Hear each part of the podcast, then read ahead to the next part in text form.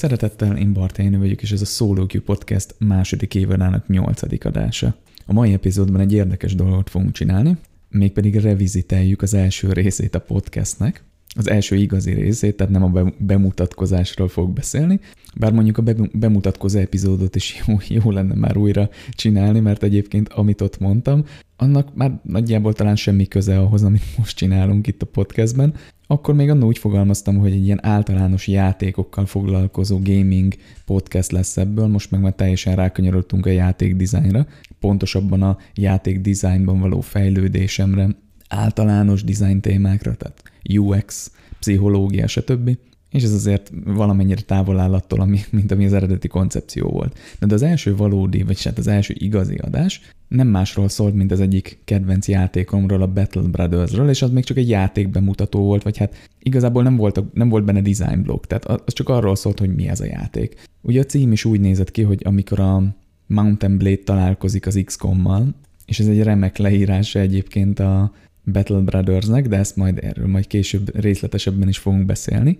Na, de most ennek a revisitnek az alkalmával azt fogjuk csinálni, hogy ismét a Battle Brothersről fogunk beszélni, és ez nem kell feltétlenül meghallgatni az első adást, mert a játéknak a rétegein, meg magán a játék bemutatásán újra végig fogok menni, viszont beillesztünk egy design blokkot is, tehát megnézzük ezeket a különböző rétegeket, a játéknak a mechanikáit design szemmel is. És az a helyzet, hogy ez nem csak emiatt egy különleges adás, hogy ez egy ilyen első ilyen revizit, hanem azért is, mert már több alkalommal megtörtént, hogy vagy egy já- az adott játékhoz, amiről éppen egy epizód szól, közel álló szemét, vagy konkrétan a fejlesztőket megkerestem néhány kérdése, vagy egyáltalán azzal, hogy kérdezhetek-e. És ez az első alkalom, hogy azt a választ kaptam, hogy igen, kérdezhetsz, és nem csak a engedélyt kaptam meg úgymond, vagy hát egy ilyen pozitív választ, hanem az elküldött kérdéseimre még válaszoltak is. És az előző adás végén már így egy kicsit uh, spoilereztem hozzá, hogy nagyon jó anyagot kaptam, tehát hogy elképesztő információdús válaszokat, és nagyon érdekes és nagyon tanulságos válaszokat kaptam. Nem mástól, mint Jan, a.k.a. Jan Zentől, aki az Overhype Studiosnak a business és marketing menedzsere, azaz egy személyben viszi a bizniszt és a marketinget. Egyébként most jelenleg, hogyha felmentek a battlebrothersgame.com-ra, és megnézitek a tímet, akkor négy fővel fogtok találkozni, tehát négy emberrel, és két zenésszel, akik egyébként a játéknak a zseniális, tényleg fantasztikus zenéjét csinálják, de ők szerintem külsősök. Szóval itt egy nagyon kis szolid teamről van szó, gyakorlatilag egy ember tartozik a fejlesztési szent háromsághoz, ugye Jan a business és a marketing, inkább a business ugye itt a szent háromságban, Paul az art, tehát maga a grafika és a design, és itt a design érdekes lesz, mert ha jól tudom, egyébként együtt viszik a játéknak a, a dizájnját, tehát megosztják a feladatokat, és Krisztof, aki a programozó, és itt van még Casey, a writer, aki ugye a Szent Háromságból egy kicsit az art oldalra, tehát a design oldalra rakható, de nagyjából azt mondhatjuk, hogy ennek a, ennek a design business és dev szent háromságban egy, mindegyik egy emberben tömörül. Ez a zseniális, és egyébként a játék maga az nem kicsi, de majd látjátok, tehát egy elég komplex és azért nagy játékról van szó, és hogy ezt gyakorlatilag négy ember plusz zenészek le tudják tenni az asztalra, ez zseniális. És természetesen majd az ő háttértörténetükről is lehet egy kicsit információt kapni az alapján, amit küldtek nekem, mint design journey, vagy a játéknak a története, meg a különböző kérdéseimre a válaszok. Na de, ennyivel én most ki is bekelném az, hogy mi az Overhype stúdió, meg kitől jön ez a játék, és kik csinálják ezt a játékot, és inkább fókuszáljunk tényleg magára a Battle Brothers-re. Fogunk még a srácokról beszélni majd a design blogban, és a kérdéseimre adott válaszoknál. Szóval Battle Brothers. Na, ha valaki még nem játszott ezzel a játékkal, akkor annyit mondanék bevezetésnek, hogy így nagyjából 120 óra játékidő után így már elmondhatom, hogy végre teljesen kezdő vagyok ebben a játékban. Tehát ez, hogyha a Steam azt mondja, hogy azt hiszem két óra játékidő kell ahhoz, hogy review tudj írni egy játékról, ugye Steam-en egy értékelést, akkor szerintem a Battle Brothers-nál ez a 120 óra jelenti azt a két órát, tehát hogy így 120 óra után már azt mondhatom, hogy beszélhetek erről a játékról, mint egy abszolút kezdő.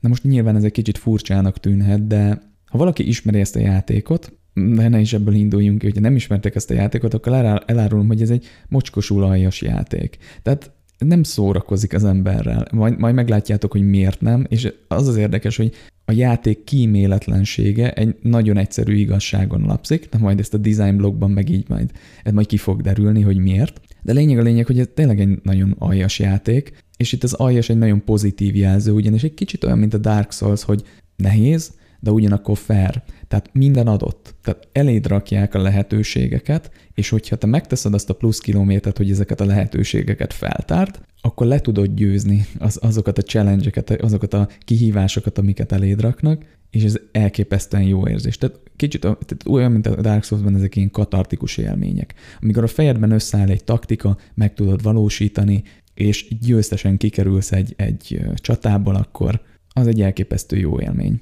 És az a helyzet, hogy visszakanyarodva az előző, hogy a kezdő gondolathoz, ez, ez a 100 óra plusz, ez tényleg csak egy belépő szint. Tehát amikor a játéknak a úgymond valódi nehézségébe lépnek a játékosok az expert nehézségi fokokba, és azon belül is az, a, a middle és az endgame-et akarják így a kontrolljuk alá vonni, tehát azt, azt, azon akarnak felülkerekedni, hogyha már így nagyjából megtanulták túlélni az early game-et, akkor ha szétnéztek a community-ben, nagyjából olyan 4-500 óránál kezdenek el igazán küzdködni a játékosok. Gondolhatnátok, hogy 4-500 óra az elképesztően sok idő, és ez teljesen kiműveli az ember, de nem. A middle és az endgame expert fokozatban, na az ott kezdődik ilyen 4-500 óránál. És a játéknak az átlag, a Battle Brothersnak az ilyen úgymond könnyebb fokozatai azok, ahova ezt a, ezzel a 4-500 órával el lehet jutni, hogy kitanulod a játékot könnyebb fokozaton, viszont Egyébként a közösség által az is ajánlott, hogy nehéz, tehát rögtön a nehéz fokozattal kezd, mert egyébként nehezebb lesz váltani.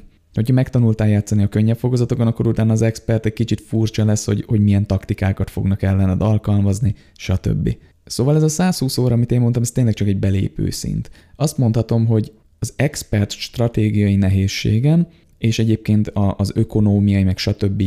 könnyített fokozatokon a játéknak az early és a middle részét azt már hogy kitanultam, de az a, az endgame cuccok, azok még nagyon távol állnak attól, hogy én azokat, azokba bármennyire is bele tudtam volna nyúlni. Na majd meg, meglátjátok, hogy miért van ez. Szóval összefoglalva azt láthatjátok, hogy ez egy nem egy kis időbefektetéssel és nem kis elhivatottsággal járó játék, Viszont az, hogy emberek 1000, 2000, 3000 órákat, meg több száz órákat beleraknak, az tanúskodik arról is, hogy ez nem egy szarjáték. Tehát, hogy ezt az áldozatot sokan meghozzák, és nagyon boldog vagyok attól, hogy amióta az első részt elkészítettem úgy a podcastben, azóta egyre népszerűbb a játék, egyre kevésbé nis közönségnek számít a, a, a Battle Brothers-nak így a, a rajongói bázisa, és tényleg elkezdett eljutni már olyan streamerekhez ez a játék, a Battle Brothers, akik te, tegyük fel Battle Royale-okat játszanak, meg ilyen, nem tudom, Fortnite-ot, Warzone, stb., de ugyanakkor van egy kis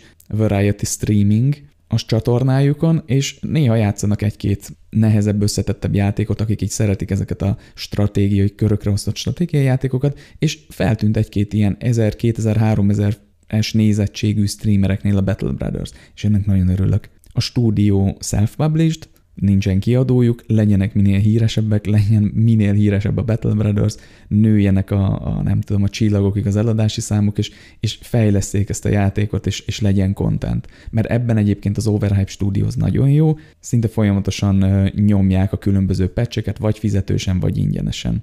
Na de, egy kicsit eltértem. Menjünk vissza a játékra, és kezdjünk bele akkor, hogy milyen játék is a Battle Brothers. A Battle Brothers egy körökre osztott stratégiai játék, aminek van egy management layer Ez ugye gyakorlatilag a, az XCOM-ot is leírhatnánk ezzel. Tehát ugye van egy management layer valamit menedzselned kell, az XCOM-ba egy űrhajót, vagyis egy ilyen, nem is tudom, bázist, és ugye a harci layer az meg ott, ahol egy körökre osztott csata kibontakozik. Na Battle Brothers-ben egy ilyen kis számosságú zsoldos csapatot kell menedzselned, ez nagyjából a játék vége felé 20 főre fog felduzzadni, vagy azt hiszem 24-re, de egyébként a, a harci layerben csak 12-en lehetnek a terepen. Tehát nem kell sok embert menedzselned. A management layer az úgy néz ki, mint a Mountain Blade-ben. Ugye, ha visszautalok most az első epizódra a Solo Q podcastben, akkor ott azt mondtam, hogy a Mountain Blade és az XCOM találkozása. A Mountain Blade-et, ha valaki nem ismeri, ott, akkor ott is egy ilyen uh, mercenary bandet, tehát egy ilyen zsoldos csapatot menedzselsz, és uh, a Mountain Blade-nek a world map nézetét és struktúráját sok játék átvette. Ez abban merül ki, hogy egy nagy világ térképen rohangálsz a kis csapatoddal. ez most nem feltétlenül kell, hogy új legyen, de a Mountain Blade-nek van egy ilyen speciális megoldás, hogy így valós időben mászkálsz, ö, nyilván lepauzálhatod, leállíthatod a játékot, szüneteltetheted, de valós időben mászkálsz a térképen, városokba jutsz el, és nyilván megtámadhatják közben a csapatodat, és e- egy ilyen kis élő ökoszisztémában működik ez a kis világ, kereskednek egymással a városok, stb. Mozognak a szörnyek, és nyilván ebben a világban te is mozogsz a kis csapatoddal. Na ugyanez van a Battle Brothers-ben. A kis zsoldos hadsereged, vagy sereg csapatod mászkál ezen a térképen, eljut városokba, kereskedik, küldetéseket teljesít. A management layer abból áll, így, így nagyon dióhéjban, hogy nyilván fizetést kell adnod az embereidnek, küldetéseket teljesíteni, hogy egyre híresebb legyen a csapatod. Nyilván a menedzselnet kell az, hogyha valakit elveszítesz a csatamezőn, ami nagyon sűrűn megtörténik, és majd a design blogban, meg a játék léjereinél, rétegeinél majd erre vissza is térünk, és ez egy fontos elem lesz a játékban.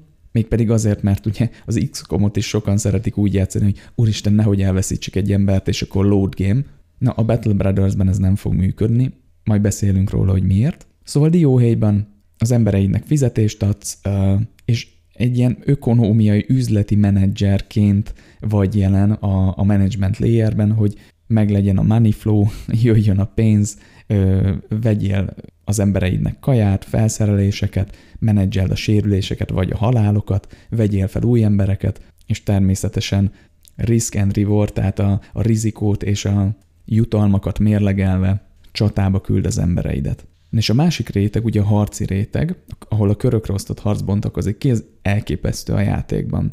Tehát azt mondhatom, nem is kis túlzása, hanem őszintén azt mondhatom, hogy ennyire letisztult dizájnt, ennyire letisztult és, és um, körökre osztott harcban még nem láttam.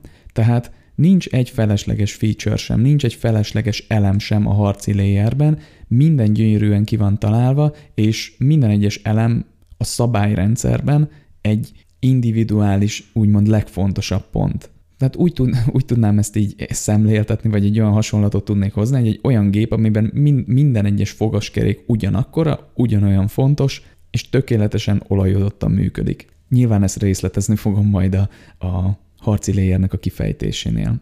Na de, uh, ugye minden játéknak van egy alap gameplay loopja, amire az egész épül, amire az, az egész loop, ami a játékost ebben a gameplay flow-ban tartja, felépül. És ha most így az eddig elhangzottak alapján gondolkozunk, akkor azt mondhatnánk, hogy a loop az nagyjából úgy néz ki, hogy toborzunk embereket, ugye azok lesznek a harcosaink, harcolunk, győzedelmeskedünk, nyilván fejlődnek az embereink, mi magunk, ugye, tehát maga a skilljeik, a felszerelésük, és utána egyre nehezebb harcok felé vesszük az irányt, és szépen lassan uralmunk alá hagyjuk az egész világot. Na, sajnos ez nem így működik, mert a Battle Brothers egy picit más. Ebben a játékban alapvető gameplay elem, hogy az embereid elhullanak. Tehát egy optimálisabb gameplay loop úgy néz ki, hogy toborzás, a toborzott emberek vizsgálata. Vannak olyan emberek, olyan szaremberek, akik annyira nem jók semmire, hogy úgymond arra sem jók, hogy meghalljanak a harcmezőn, erre majd részletesebben kitérünk. Vannak olyanok, akiket azért tartasz meg, mert az a célod, hogy meghalljanak a harcmezőn, és vannak olyan emberek, akiket meg meg akarsz tartani, mert van jövőbeli potenciáljuk, és később akár egy sikeres ö, zsoldossá is válhatnak, harcossá válhatnak, edződhetnek a harcmezőn. Na most ezek után kitalálod a pozícionálást és a stratégiát, felveszel küldetéseket, nyilván itt elég erősen mérlegelsz, hogy mit tudsz megcsinálni, harcolsz, itt ennek több kimenetele lehet. Vagy győzöl, vagy ö, meghalsz teljesen, tehát a, a zsoldos hadseregednek annyi, vagy pedig fogod magad és elfutsz. A zsoldos hadseregednek a halála egyébként ö, nem mindig áll be, tehát hogy ha elveszíted sok emberedet és meg tudsz egy-két jobb harcosoddal menekülni, akkor nincs vége egy ránnak, és apropó rán, Ugye ez egy szabadon mentő és visszatöltő játék, de egyébként a Battle Brothers-t úgy érdemes játszani, mint egy roguelike játékot, hogy ránokban gondolkodni, mert úgy igazán élvezetes. Tehát, hogyha minden egyes harcot visszatöltesz, az elején még teljesen oké, okay, pár száz órán át, hogy tanulsz, megpróbálod kitanulni. De amikor eljutsz oda, hogy oké, okay, akkor most már nagyjából tudom az early meg a middle game-et, és akkor egy ránt nyomok, akkor érdemes úgy játszani, hogy Iron Man-ben, azaz, ha vége van a kis zsoldos hadseregednek, vagy zsoldos pályafutásodnak, akkor vége, és kezdesz egy új ránt. Mert ez tartalmaz az igazi risk-reward játékmenetet. És az a helyzet, hogyha egy jobb emberedet is elveszíted, akkor sincs még vége ennek. Majd erre is fény derül, hogy miért. Na de, ha tegyük fel, hogy győzedelmeskedsz, akkor nyilván fejlődnek az embereid, nyilván lehet restartolni a ránt, hogyha meghaltok, vagy safe coming, tehát hogy újra töltöd a játékot, vagy pedig ugye, hogyha még meg tudtatok menekülni, akkor recover, és a győzelmek nehezebb harcokhoz vezetnek, több rizikót tudsz bevállalni, illetve a harcok egyre kevésbé lesznek rizikósak, mivel az embereit fejlődnek, és nyilván egyre jobbak lesznek a harcmezőn. Na és itt jön be az a pont, ami a Battle Brothersnak az egyik legcsodálatosabb része, de ugyanakkor az egyik legnagyobb hátránya is fogalmazzunk így. Legalábbis úgy hátrány, hogy ezt nehéz belátni, vagyis nehéz magunkével tenni. Elmondom, hogy miről van szó, aztán megmagyarázzuk. Szóval a lényeg az, hogy ezt az egész loopot üzleti szemmel kell nézned. És az egész játékra az igaz, hogy itt egy bizniszt viszel, és nem egy harci szimulátorral játszol. A játék egy harci szimulátor is, viszont az egész gameplay loop szempontjából nem a taktikai és a harci szemlélet a célra vezető, az csak egy eszköz, hanem úgy leszel sikeres a harcokban is, meg a játék egészében, hogyha üzleti szemmel nézed a játékot. Na és ez azért nehéz sok embernek megértenie, mert a videójátékok általánosságban nem absztrakt koncepciókon alapszanak. Ez azt jelenti, hogy egyszerű koncepciókra építünk játékokat. Az egyik legegyszerűbb koncepció, amit ugye az ember ismer, az az agresszió, az az erőszak. És ezért van az, hogy játékokban lövünk, kardokkal csapkodunk, ölünk, stb. Ez könnyű megérteni. Viszont egy bizniszt vinni, egy, egy üzletet vinni, ökonómiában gondolkozni, az ehhez képest egy jóval absztraktabb koncepció. És ugye eléd raknak egy játékot, ami tele van erőszakkal, és úgy rögtön abba gondolkozol, hogy a játék szempontjából az a legfontosabb, hogy milyen jól taktikázol a terepen. Közben, hogyha mérlegre teszed a körökre osztott harcot, és a management layert, ahol mint egy üzletembernek kell gondolkoznod, akkor bármennyire jó lehetsz a, a taktikailag a terepen, hozhatod a legjobb döntéseket, ha üzletileg nem, nem jó döntéseket hozol, akkor biztos halál. És általában ez így a Battle, Battle Brothers játékosoknál egy, egy ilyen, nem is tudom, kopernikusi fordulat szokott lenni, hogy megértik azt, hogy nem a harcmezőn dől el sok minden, hanem az üzleti szemlélet a, a, az ökonómiának a saktábláján.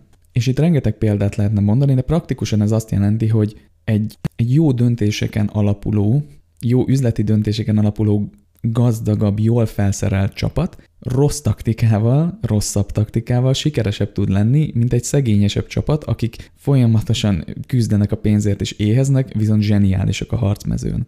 Taktikailag. Na és visszakanyarodva az elejére, ugye itt ez egy absztrakt koncepció, tehát, és, és ráadásul még félre is vannak úgymond vezetve a játékosok. Van egy zseniálisan kitalált harci rendszer, ahol a, az agressziót, az erőszakot meg lehet élni, ami egy egyszerű koncepció, és van a játéknak egy absztraktabb, nehezen értelmezhető, nehezen átlátható része, ugye maga az ökonómiai rendszer, és a Battle Brothersnek ez a súlyosabbik, ez a, ez a mérlegen a súlyosabbik része, ahol az igazi sikereket el tudod érni. Most ennél a pontnál meg ne értsen senki se félre, tehát ez nem egy ökonómia szimulátor, nem ez egy taktikai harci játék, viszont a sikereket, a játék egész gameplay loopja szempontjából vett sikereket kevésbé a harcmezőn fogsz elérni, mint inkább az üzleti életben, úgymond. Na de, ne ez majd a különböző rétegeknél jobban le fog tisztulni.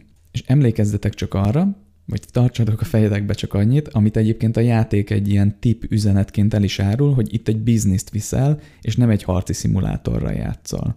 Na, nézz, nézzük meg az első réteget, ugye, ami a loop szempontjából a recruit réteg, azaz a toborzás és a vizsgálat. A Battle Brothers-ben az emberek elég komplexek tehát a, a, a katonák, azok, akik ugye a kis zsoldosaiddel tudnak válni. Sokféle tulajdonságuk van. Vannak mm, alapharci tulajdonságaik, perkjeik, skilljeik majd később, rengeteg dolog. Ez majd így szépen szerintem le fog tisztulni, most nem fogok felsorolni semmit, tehát nem fogok ilyen hosszú felsorolásokat tenni. A lényeg az, hogy amikor elmész egy városba, és ott a, úgymond a főtéren szemügyre veszed az embereket, akkor azt láthatod, hogy többféle háttérrel keresnek zsoldos munkát emberek. Tehát akik megunták az, é- az életüket, az eddigi életüket, vagy elveszítettek minden, azok is valamilyen háttérből jönnek, és ez nyilván kihatással van arra, hogy egyébként a jövőben mennyi potenciálra rendelkeznek. A gyakorlottabb játékosok már tudják, hogy mik azok a hátterek, ahol jó, amiből jó potenciállal rendelkező emberek tudnak kikerülni. És a hátterek például lehetnek ilyenek, hogy koldus, nyomorék. Nyilván ezek nem a legjobb hátterek, de lehetnek ilyenek, hogy napi munkás, dokmunkás, földműves, bunyós, és a többi, és a többi. És ezek alapján már úgy nagyjából be lehet lőni, hogy mire számíthatsz. Tehát egy nyomoréknál azért úgy kis logikával ki lehet találni, hogy valószínűleg neki lehet, hogy van valami testi problémája, ami akadályozni fogja a harcban. Viszont egy, egy bunyósnál, aki, aki meg abból élt, hogy verekedett, annál úgy lehet, hogy van harci potenciál is. És az embereknek rengeteg skillje van, vagy rengeteg tulajdonsága. Nyilván a staminája, ami a, az állóképessége, harci képzettsége, közelharci védelme, ami nem armort jelenti, tehát nem páncélt jelenti, hanem az, hogy mennyire jól tud reagálni egy közelharci támadásra, nyilván HP-ja, tehát élete, morálja, tehát hogy mennyire, mennyire jól bírja a stresszt a terepen, erről egyébként majd az még sok, sok szó fog esni, majd a, majd a harci léjernek a kibontásában. De például ott van az initiatív, ami azt határozza meg, minél magasabb, annál hamarabb jön a harcban, a körökre osztott csatában. És nyilván a hátterek erre hatással vannak. Más stratégiai játékokban megszokhattuk azt, hogy az emberi élet értékes. Sajnos a Battle Brothers-ben meg kell küzdenünk azzal, ami, ami megint csak egy, nem is csak hogy absztrakt koncepció, hanem egy ilyen az alapgondolkodásunkkal, legalábbis szerencsés esetben homlok egyenest egy ellen, ellenem menő gondolkodás, hogy az emberi élet értéktelen. És ezt, hogy az emberi élet értéktelen a Battle Brothers-ben, ezt a le- lehető leghidegebb kapitalista szemmel kell nézni. Tehát amikor felveszel egy embert, akkor az csak és kizárólag annyit ér, amennyit ráköltesz, és amekkora ha- hasznot tud neked hozni mondjuk egy csatában. Tehát itt megint csak el kell mondani, hogy itt egy bizniszt viszel. Amikor az, a játék elején vagy early game-ben gyakorlatilag minden ember hasznos, kivéve egy ilyen tényleg olyan nyomorék, aki mozogni sem tud, de tegyük fel, hogy felveszel valakit, vagy ja, igen, és bocsánat, itt ki kell emelni, hogy miután felvetted az embereket, csak azután látod a képességeiket. Ez nem minden esetben igaz, mármint van egy ilyen kipróbálom funkció, tehát egy ilyen kis próbára teszed, amiért fizetni kell ezeknek az embereknek, nem sokat egyébként. Minél, e-, egyébként minél magasabbról jöttek, tehát hogy minél durvább hátterük van, ez annál drágább, mert vannak olyan hátterek is, hogy Hedge Knight és Swordmaster, tehát hogy ilyen, ilyen, ilyen elképesztő durva ha, harcosokat is fel lehet már majd a végén venni, az inkább endgame vagy middle game téma, de ki tudod őket próbálni, és meg tudod nézni, hogy egyébként ők miben jók. Az a helyzet, hogyha arról van szó, hogy mondjuk stamina, vagy HP, vagy, vagy közelharci képesség, akkor ezekre az emberek tudnak ilyen csillagokat kapni. Ami azt jelenti, hogy tehetségesek benne. Na és ezekre vadászol, a tehetséges emberekre. Tehát nem probléma hogyha mondjuk nem egy jó HP-val vagy stamminával indul egy ember, vagy közelharci képességgel, viszont ha vannak rajta csillagok, tehát tehetségesek, akkor nagy eséllyel van bennük potenciál.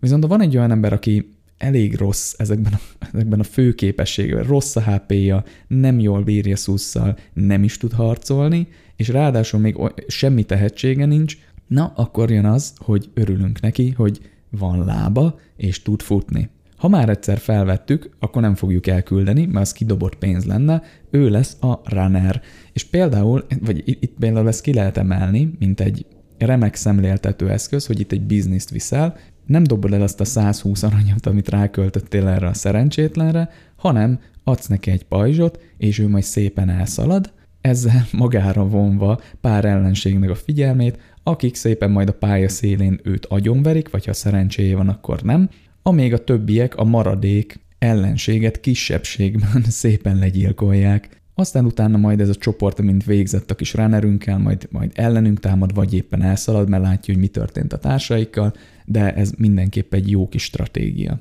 Na és apropó stratégia, térjünk át a stratégiai layer, vagyis a loopnak a stratégiai részére, hogy itt is van egy abstrakció.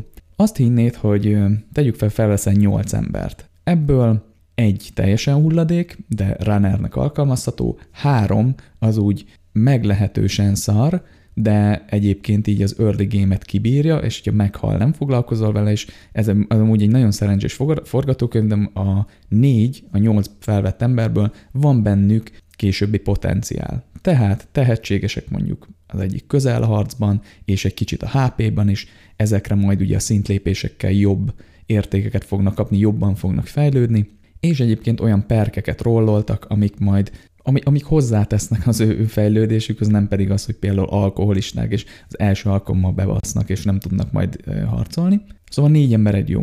Mi, mi az, amire az egyszeri játékos ilyenkor következtet? Hát, hogy akkor velük harcolok, mert ők fogják majd a hátukon vinni gyakorlatilag kerrizni a harcokat. Hát nem. Ezek az emberek akikben van potenciál, eleinte még nagyon sérülékenyek. És a potenciálral rendelkező embereket rakod a hátsó sorba, és azok, akik szarok, őket rakod az első sorba, mert inkább ők halljanak meg. Ők lesznek azok, akik úgy, így is úgyse fognak eltalálni senkit, viszont arra zseniálisak, hogy amikor olyan ellenségekkel harcolsz, akik szintén nem fognak eltalálni senkit, azok ellen még egy büdös nagy pajzsot betartasz, akkor meg pláne nem fognak. Viszont, hogyha körülállják őket hárman, négyen, akkor már lehet, hogy be fog statisztikailag találni egy-két dolog, de hogyha fejbe verik őket egy bunkós bottal, vagy átszúrják a nyakukat egy láncsával, akkor nem fogsz annyira elkeseredni, mert a háttérben álló potenciállal rendelkező embereit szépen átszúrkodnak majd lándzsákkal, vagy éppen ilyen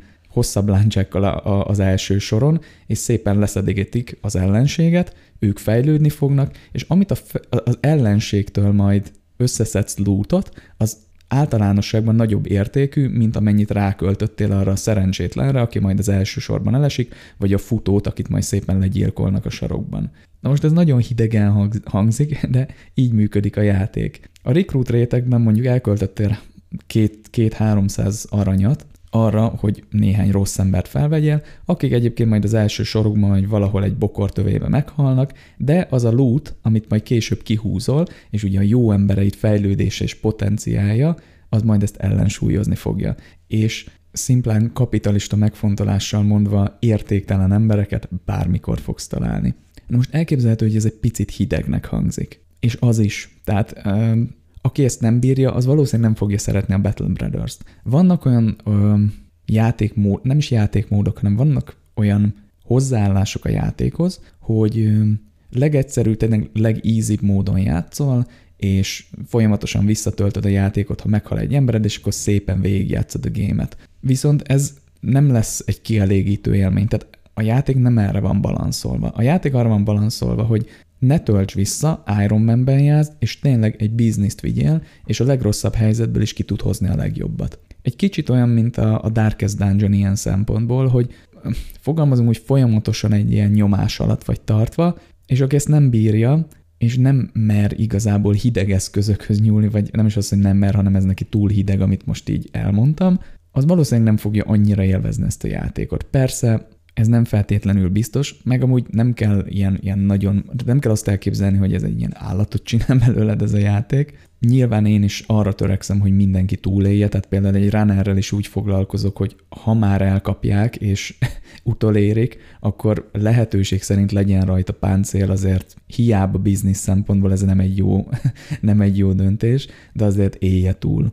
És azért mondom csak, hogy biznisz szempontból nem egy jó döntés, mert ráadsz egy 100 arany értékű ö, melpáncélt, ráadsz egy, nem tudom, 70 arany értékű sisakot, meg odaadsz neki egy 120 arany értékű pajzsot, és na, mert nem is emlékszem, milyen értékeket mondtam, de azt mondom, hogy akkor 300 arannyi, ö, 300 arany értékű felszerelést, és megölik, akkor elképzelhető, hogy ezeket nem kapod vissza. Tehát nem fogja droppolni, mert leverik egyszerűen róla, tönkre teszik. És akkor vesztettél 300 aranyat. Viszont ha csak egy, nem tudom, félig tönkrecseszett pajzsot adsz neki, ami került 50 aranyba, és maga a runner került 100 aranyba, akkor meg 150-et veszítesz. És amúgy az a helyzet, hogyha utána meg felveszel egy nyomorékot a mondjuk 80 aranyért, még mindig jobban a pénzednél vagy. És ezek az aranyok, amiket itt elveszítesz, ez az aranymennyiség nagyon sokat jelent a játékban, mert nem szórnak téged tele aranyjal. Küldetésekért sem, meg a lootból sem. Tehát nagyon ügyesen kell taktikázni. Na lépjünk ennyel tovább a következő rétegre, ami a küldetések. Na most a küldetések felvételénél, ugye említettem a risk and rewardot, ezt sem nem tudod másképp megtanulni, mint hogy felveszel egy küldetést, megnézed, hogy egyébként hogy mennyit fizet, mi a feladat, és rájössz arra, hogy egyébként ez ehhez még gyenge vagy, visszatöltöd a játékot, és mész egy másikra, és kitapasztalod. Viszont ugye, hogyha már egy tapasztaltabb játékos vagy, ott azért vannak ilyen ö, szofisztikáltabb döntések. Tehát például early game-ben a monster küldetések, vagy a beast küldetések, azok tipikusan olyanok, ahol nagyon át kell gondolni azt, hogy most te ezt bevállalod-e vagy sem. A beastek közé tartoznak az óriás pókok, a vérfarkasok, az ilyen gulszerű ocsmány rohadék szemétládák, és még lehetne sorolni a, a sokkal-sokkal rohadékabb szörnyeket is, de eleinte ez, ezzel a hárommal fogsz találkozni, vagy hogyha délre mész, akkor hiénákkal, esetleg kígyókkal. Most ezek a szörnyek általában elég speciálisak a harcmodorok szempontjából, tehát hogy egy, egy adott ö, mintázatot követnek, és használják bőszen a képességeiket, és erre early game-ben az embereid nem biztos, hogy fel vannak készülve. Mondok egy példát. Előfordulhat, hogy azt mondod, hogy uh, de király, 3-400 arany, pókokat kell ölni. Hát a pókokat agyonverem. A pókoknak amúgy kevés a morálja, kevés az élete. Viszont van egy olyan csúnya tulajdonságuk, hogy összeköpik hálóval az embereidet. Azt a hálót leszaggatni az embereidről, tehát vagy maguk szaggatják le, vagy pedig a társaik, nagyon nehézkes, rengeteg staminát felemészt, és amíg rajtuk van ez a háló, gyakorlatilag képtelenek harcolni, elképesztő mínuszokat kapnak minden tulajdonságukra, védelemre is és támadásra is. Tehát a pókok azt csinálják, hogy szépen leköpködik az embereidet, aztán így ocsmányul megrohanják őket, lemérgezik, és vége van. Na most ezt megfelelő taktikával és megfelelő stratégiával ki lehet kerülni. És hozzáteszem megfelelő számú emberrel. De nagyon nem mindegy, hogy hat pókkal fogsz küzdeni, nyolccal, vagy mondjuk 8 plusz két tojással, ami a tojások folyamatosan kis pókokat fognak magukból kiontani, amíg le nem csapod őket, és azok is legalább, hát nem annyira veszélyesek, mint a nagyok, de azért elég idegesítőek tudnak lenni. Na és ez egy olyan döntés, amit, amit akkor hozol meg, amikor mondjuk harmadik, negyedik szintűek az embereid, már egész jó cuccaid vannak, és akkor el kell kezdeni mérlegelni, hogy oké, okay, ilyen cuccaim vannak, meg tudom csinálni, de kit rakok előre, kit veszíthetek esetleg el, hogy mehet rosszul a csata, stb. Többféle küldetés típus van. Tehát például van, hogy szörnyeket ölj. Ami nekünk kell early game-ben, az a humanoid küldetések. Elloptak valamit ilyen útszéli gazemberek, és szerezd vissza, vagy éppen valahova beették magukat egy ilyen kis táborba, írst ki őket. Na, ilyenekre vadászunk. De egyébként még ott vannak azok a küldetések, hogy karavánokat kell kísérni, de ott van az is például, hogy egy csomagot kell elvinni. Na most ezek annyira nem jó küldetések. Ezek a karaván és csomag szállító küldetések akkor jók, ha körbejártál egy területet, sehol nem kapsz értelmes küldetést, és akkor azt mondod, hogy na jó, akkor elmegyek mondjuk keletre, hát ha ott lesznek normális küldetések, és van egy karaván, ami pont keletre megy, akkor azt mondod, hogy oké, csatlakozok hozzá, egy kis pénzkereset, etetik az embereimet, és akkor legfeljebb megvédem őket. Amúgy itt is kell mérlegelni, mert ha beszopsz egy goblin csapatot, akkor, akkor futás van, mert azokat nem fogod leverni early game-ben. Vagy mondjuk egy erősebb raider csapatot. Na de tegyük fel, hogy bemész az első városba, ott van egy humanoid küldetés, az az, hogy mondjuk egy adag útszéli gazembert kell kiírtanod, brigand tagok, ezek a tagok általában a leggyengébb, legrosszabbul felfegyverzett ilyen söpredék bűnözők, na és felveszel egy ilyen küldetést, és mondjuk kapsz érte 280 aranyat. Nagyon jó. Fontos elmondani a küldetéseknél, hogy nem a küldetésekért kapott aranyból fogsz meggazdagodni. Azok mindig egyszerűen arcpirítóan alacsonyak. Tudsz egyébként ugye itt, itt alkudozni, de van a, van a management layernek egy másik része, amiben most nem akarok nagyon belemenni, ugye a reputation, ugye a hírnév, és a hírnév is nagyon fontos, és az, hogyha te sokat alkudozol, meg felidegesíted a, a küldetésadókat, akkor az majd a, a hírneved fogja bánni. Tehát ezt, ezzel is óvatosan kell bánni. Fogja bánni, volt oh, remek, remek szóhasználat, szóval negatívan tud kijönni a, a hírnevedben, hogyha sokat alkudozol és amúgy annyira nem is éri meg, mert tényleg nem ebből fogsz meggazdagodni. Ami neked fontos, az az, hogy a harcokban minimalizáld a veszteséget, és maximalizáld ugye nyilván a nyereséget. Na majd mindjárt rátérünk, hogy ez mit jelent. Szóval a küldetéseket összefoglalva ki kell először tapasztalni, nyilván egy kezdőjátékosnak, később pedig rengeteg ö, szempontot kell figyelembe venni mennyit fizet a küldetés. Ha gyanúsan sokat fizet, akkor valószínűleg nagy a baj. Ha gyanúsan keveset fizet, akkor az meg azért lehet jó, mert könnyű küldetés, viszont spawnolhatnak ugye olyan brigandok is, olyan bűnözők is, akiknél mondjuk van egy jó fegyver, és az már bőven többet fog majd érni, ha eladod, vagy mondjuk mint fejlesztésként odaadod az egyik emberednek, mint az a pénz, amit egyébként kapnál a küldetésért. A bízteket nagyon, nagyon oda kell figyelni, mert akár egy, egy magabiztosabb, már egész jó potenciállal rendelkező csapatot is nagyon hamar kenterbe válnak. Mondhatnám itt a gúlokat, akiknek az a stratégiája, hogy arra várnak, hogy a kis uh, gúl csapatban előre küldött egy-két szerencsétlen gult agyonverjétek, és utána is társaik felzabálják a hullákat, és ezzel egy, így evolválódjanak a harcban.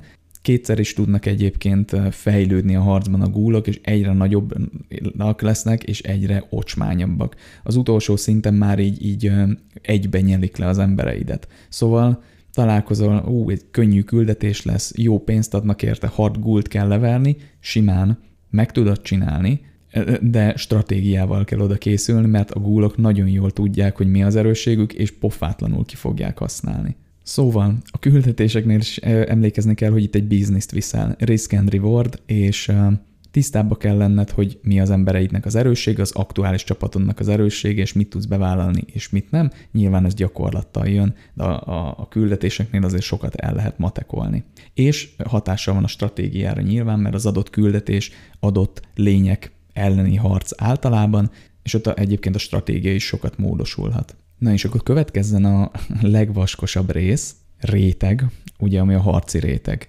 Említettem, hogy nagyon letisztult, nagyon elegáns design ez, amit a harci rétegben megjelenik. Na, ez, ezeket fogjuk most megnézni, hogy, hogy hogy is működik a harc, milyen szabályok vannak, hogyan lehet sikeres a harcban, milyen részei vannak, stb. Itt majd azért ki fogunk nyúlni más részekre is, mert a, a harc az tényleg egy nagyon fontos layer, és nyilván felmerül a kérdés, hogy miért a, miért a harccal foglalkozunk leginkább, hogy, hogyha az ökonómia az, ami egyébként sikerre visz. A válasz az, hogy azért, mert design szempontból a harc az egy érdekesebb layer, és egyébként még az ökonómiáról is fogunk beszélni, de most nem arra gyúrunk, hogy én most megtanítsalak titeket Battle brothers hanem az, hogy design szempontból ezeket majd részekre szedjük kicsit, és nyilván tanuljunk belőle. Tehát ebből a szempontból a harci layer azért izgalmasabb, de persze azért majd még az ökonómiához, a, a business részéhez is vissza fogunk kanyarodni a játéknak. Na de most itt van nekünk a harci layer, amiről tényleg rengeteget lehet beszélni, viszont mivel tényleg nem az a cél, hogy most ilyen Battle Brothers oktatást tartsak, ezért igyekeztem néhány főszabályt megfogalmazni. Kezdjük már is azzal, ami az egyik legegyértelműbb része a harci layernek, hogy ez egy körökre osztott stratégiai játék. Tehát a különböző kis harcosok, akik most itt egymásnak feszülnek ebben a csatában, ebben a harci helyzetben, azok egymás után következnek. Viszont körökre osztott akciókat egyébként sokféleképpen lehet csinálni. Ugye az az egyik legalapvetőbb alkalmazása a körökre osztott játékrendszernek, amit a társas játékokból megszokhattunk, hogy egyszer jön az egyik, aztán jön a másik. Ez sok stratégiai, körökre osztott stratégiai játékban is így van, hogy egyszer jön az ellenfél, vagy te, kezdesz te, aztán jön az ellenfél. Nyilván, hogyha egy entitásról van szó, egy akcióról, akkor ez nem is működhetne másképp. De itt a Battle Brothers-ben ugye sok karakter van, és sok karakternek a mozgásáról, támadásáról, akcióiról kell dönteni. Na itt már felmerül az a kérdés, hogy, hogy jó-e az, balansz és egyéb szempontokból, hogyha egyszer te jössz, tehát te kezdesz, te nyitsz, az összes embered lép, aztán pedig az ellenségnek a, az összes embere. És természetesen ez tud működni, de nagyon fontos, hogy ez egy olyan alapvetés a játékban, egy olyan alapvető szabályrendszer, amihez később majd az összes másik szabályrendszernek is alkalmazkodnia kell. A Battle Brothers esetén ez úgy működik, és ez egy nagyon érdekes rendszer, amin látszik, hogy organikusan a játék többi részével együtt alakult ki, hogy nem azt követik, hogy először te összes embered jön, aztán az ellenfél összes embere, hanem az dönti el, hogy a sorban ki az első, tehát ki az, aki az első akciót megteheti, meg ugye a sorban előrébb áll, hogy ki a gyorsabb. Ezt a játék initiatívnak nevezi, és ez egy fejleszthető skillje a karaktereknek. Ez azért fontos, mert vannak olyan karakterek, akik gyakorlatilag tök mindegy, mikor jönnek, tehát olyan buildek, bírják az ütést, igazából még jobb is, hogyha később jönnek, mert felszipkázzák az összes sebzést, vagy összes támadást, viszont vannak olyan karakterek, akik meg jó, hogyha az elején jönnek, és például távolsági karakterekként próbálják semlegesíteni az ellenségnek a veszélyesebb karaktereit. Viszont ezzel nincs vége a körökre osztott témának, ugyanis van itt egy kifejezetten érdekes és jól kitalált rendszer, ami a weight rendszer. Ez a rendszer úgy működik, hogy amikor következik a sorban egy karaktered, akkor annak nem feltétlenül kell lépnie. Ez azt jelenti, hogy egyszer a körben dönthetsz úgy, a nagy körben, amikor mindenki lép, hogy az adott karaktered passzolja a körét. De ez nem azt jelenti, hogy ez egész kört lepasszolja, hanem azt mondod, hogy vár, tehát wait, és ő bekerül a sorban az összes másik karakter mögé, de megtartja a körét. Ha ezután is még egyszer rányomsz ugye a passzra, akkor utána az egész kört leadja. Tehát minden karakternek egyszer van esélye várni, azaz nem lépni, eltolnia a körét. Na most felmerülhet a kérdés, hogy ez miért jó. Az a jó, hogyha minden karakter lehető leghamarabb jön, és a leghamarabb beviszi az ütéseket. Ez általánosságban igaz, viszont mondtam, hogy ez egy nagyon elegáns design, egy jól kitalált rendszer, úgyhogy hamarosan értelmet fog nyerni az, hogy miért jó bizonyos karaktereket váratni. Na és hogy haladjunk ebbe az irányba, a következő réteg az, hogy ez a játék nem csak hogy körökre osztott, de hexa-based. A hexabase azt jelenti, hogy a harcban résztvevő karakterek hexagonokon tudnak mozogni. És itt elmerülhetnénk a hexagonoknak a matematikai misztikumaiban, de legyen elég annyi, hogy itt a hexa-based harcrendszer egy nagyon tudatos döntés volt, tehát hogy nem egy square-based vagy egy, egy free movement rendszer, és hogy, hogyha nagyon dióhéjban akarjuk megfogalmazni, hogy miért, akkor azért, mert egyszerre akarták megkötni, és ugyanakkor maximalizálni egy adott karakterrel szomszédos más karakterek számát. Ez praktikusan azt jelenti, hogy ha egy teljesen free rendszert nézünk, ott igazából nagyon nehéz meghatározni azt, hogy mi a szomszédság. És az egy, az egy nem egy elegáns rendszer, hanem egy, egy nagyon túl flexibilis rendszer, ahhoz, hogyha szomszédságot akarsz vizsgálni, viszont ha négyzetekbe gondolkozunk, ott meg négy darab valódi szomszédod lehet, tehát ugye fent lent bal jobb, és az átló itt most nem számít. Tehát az, az átló az nem szomszéd. Viszont ha azokat is szomszédnak vennénk, ugye akkor 8 szomszédja lenne, az meg már egy picit sok a játék rendszere szempontjából. Szóval a hexagon rendszer a szomszédságok miatt egy valóban tudatos döntés volt a Battle Brothers rendszerében, majd mindjárt meglátjátok, hogy miért. És elegáns rendszer lévén ez az egész majd össze fog függni. Tehát a weight rendszer és a hexagonok is. De egyébként a hexa-based játékmenetnek még szerepe van abban, hogy mennyire átlátható a tábla, meg majd látni fogjátok ahhoz is, hogy honnan gyökerezik a játék, tehát hogy mi volt az első prototípus. Ezt majd a fejlesztők kommentjeinél majd kitárgyaljuk kicsit. Szóval amit eddig tudunk, ez egy körökre osztott hexa-based játék, amiben van egy nagyon jó wait és pass rendszer, és ahhoz, hogy ezek elkezdjenek végre összeérni, érdemes beszélnünk a Zone of Control rendszeréről. A Zone of Control nagyon egyszerűen azt jelenti, hogyha két ellenséges karakter szomszédságba kerül, tehát ebben a hexa-based rendszerben egymás mellé kerül, akkor ők effektíve össze vannak ragadva. Tehát nem mozdulhatnak ki egymás mellől, mert ők onnantól kezdve egy harci helyzetben vannak, és nem lehet csak úgy onnan kimozogni.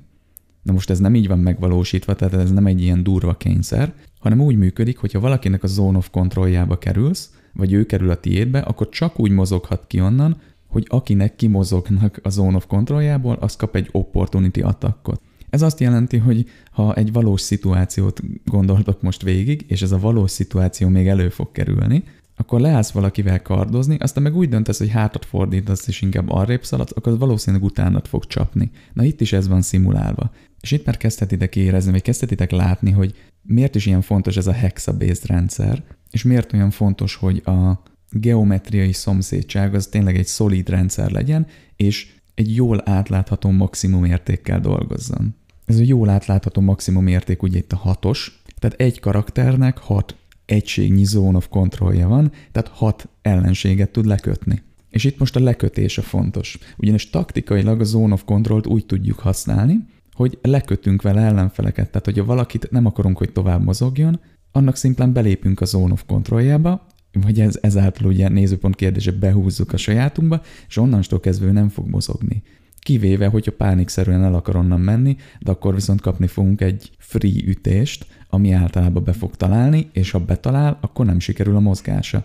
Viszont ez még csak a hexabase rendszer tudatos döntését validálja egy oldalról, és ezzel még nem ért össze ez az elegáns design, szóval folytassuk egy másik szabályjal, és ez a surround rendszer. És itt most ne utólag um, nézzük meg a valós életből vett szenáriót, hanem rögtön kezdjünk azzal, hogy tegyük fel, ott állsz karddal, pajzsal a kezedben, hogy, hogy van könnyebb dolgod, ha egy karakter áll előtted, és vele harcolsz, vagy mondjuk, hogyha kettő-három is. nyilván, hogyha kettő-három ellenséggel harcolsz, akkor meg kell osztanod a figyelmed, és sokkal nehezebben tudsz védekezni, és egyébként támadni is. Viszont, hogyha a két-három ellenfélnek a, a lencséjén keresztül nézzük ezt a szituációt, akkor ők ugye a megosztott figyelem által azt kihasználva effektívebben tudnak támadni. Na és ez a surround rendszer. Praktikusan azt jelenti, hogy minél többen körülálltok egy karaktert, annál sikeresebben fogtok támadni.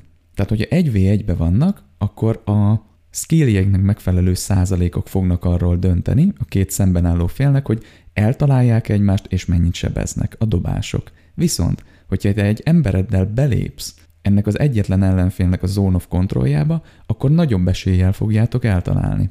És most nézzétek el, nekem nem akarom százalékokkal bonyolítani ezt az egészet, tehát nem fogok effektív százalékokat mondani, csak hogy nagyobb esélye vagy kisebb eséllyel. Tehát kikövetkeztethettétek, hogy taktikailag érdekedben áll az, hogy maximalizáld a találati esélyeidet egy ellenfelen, hiszen a győzelemre hajtasz. És most vegyük elő az eddigi e, szabályokat, és varjuk egy kicsit össze. Tehát hexabase-t hat szomszédod lehet zone of control, nem lehet belőle kimozogni, tehát le lehet vele effektív ragasztani embereket, vagy ugye a sajátjaidat is véletlen le tudod ragasztani, és adott egy szabály, a surround szabály, hogy minél többen kerítetek be egy ellenfelet, annál nagyobb eséllyel találjátok el. És akkor rakjuk ennek a tetejére a wait rendszert, hogy bizonyos karaktereiddel tudsz várni.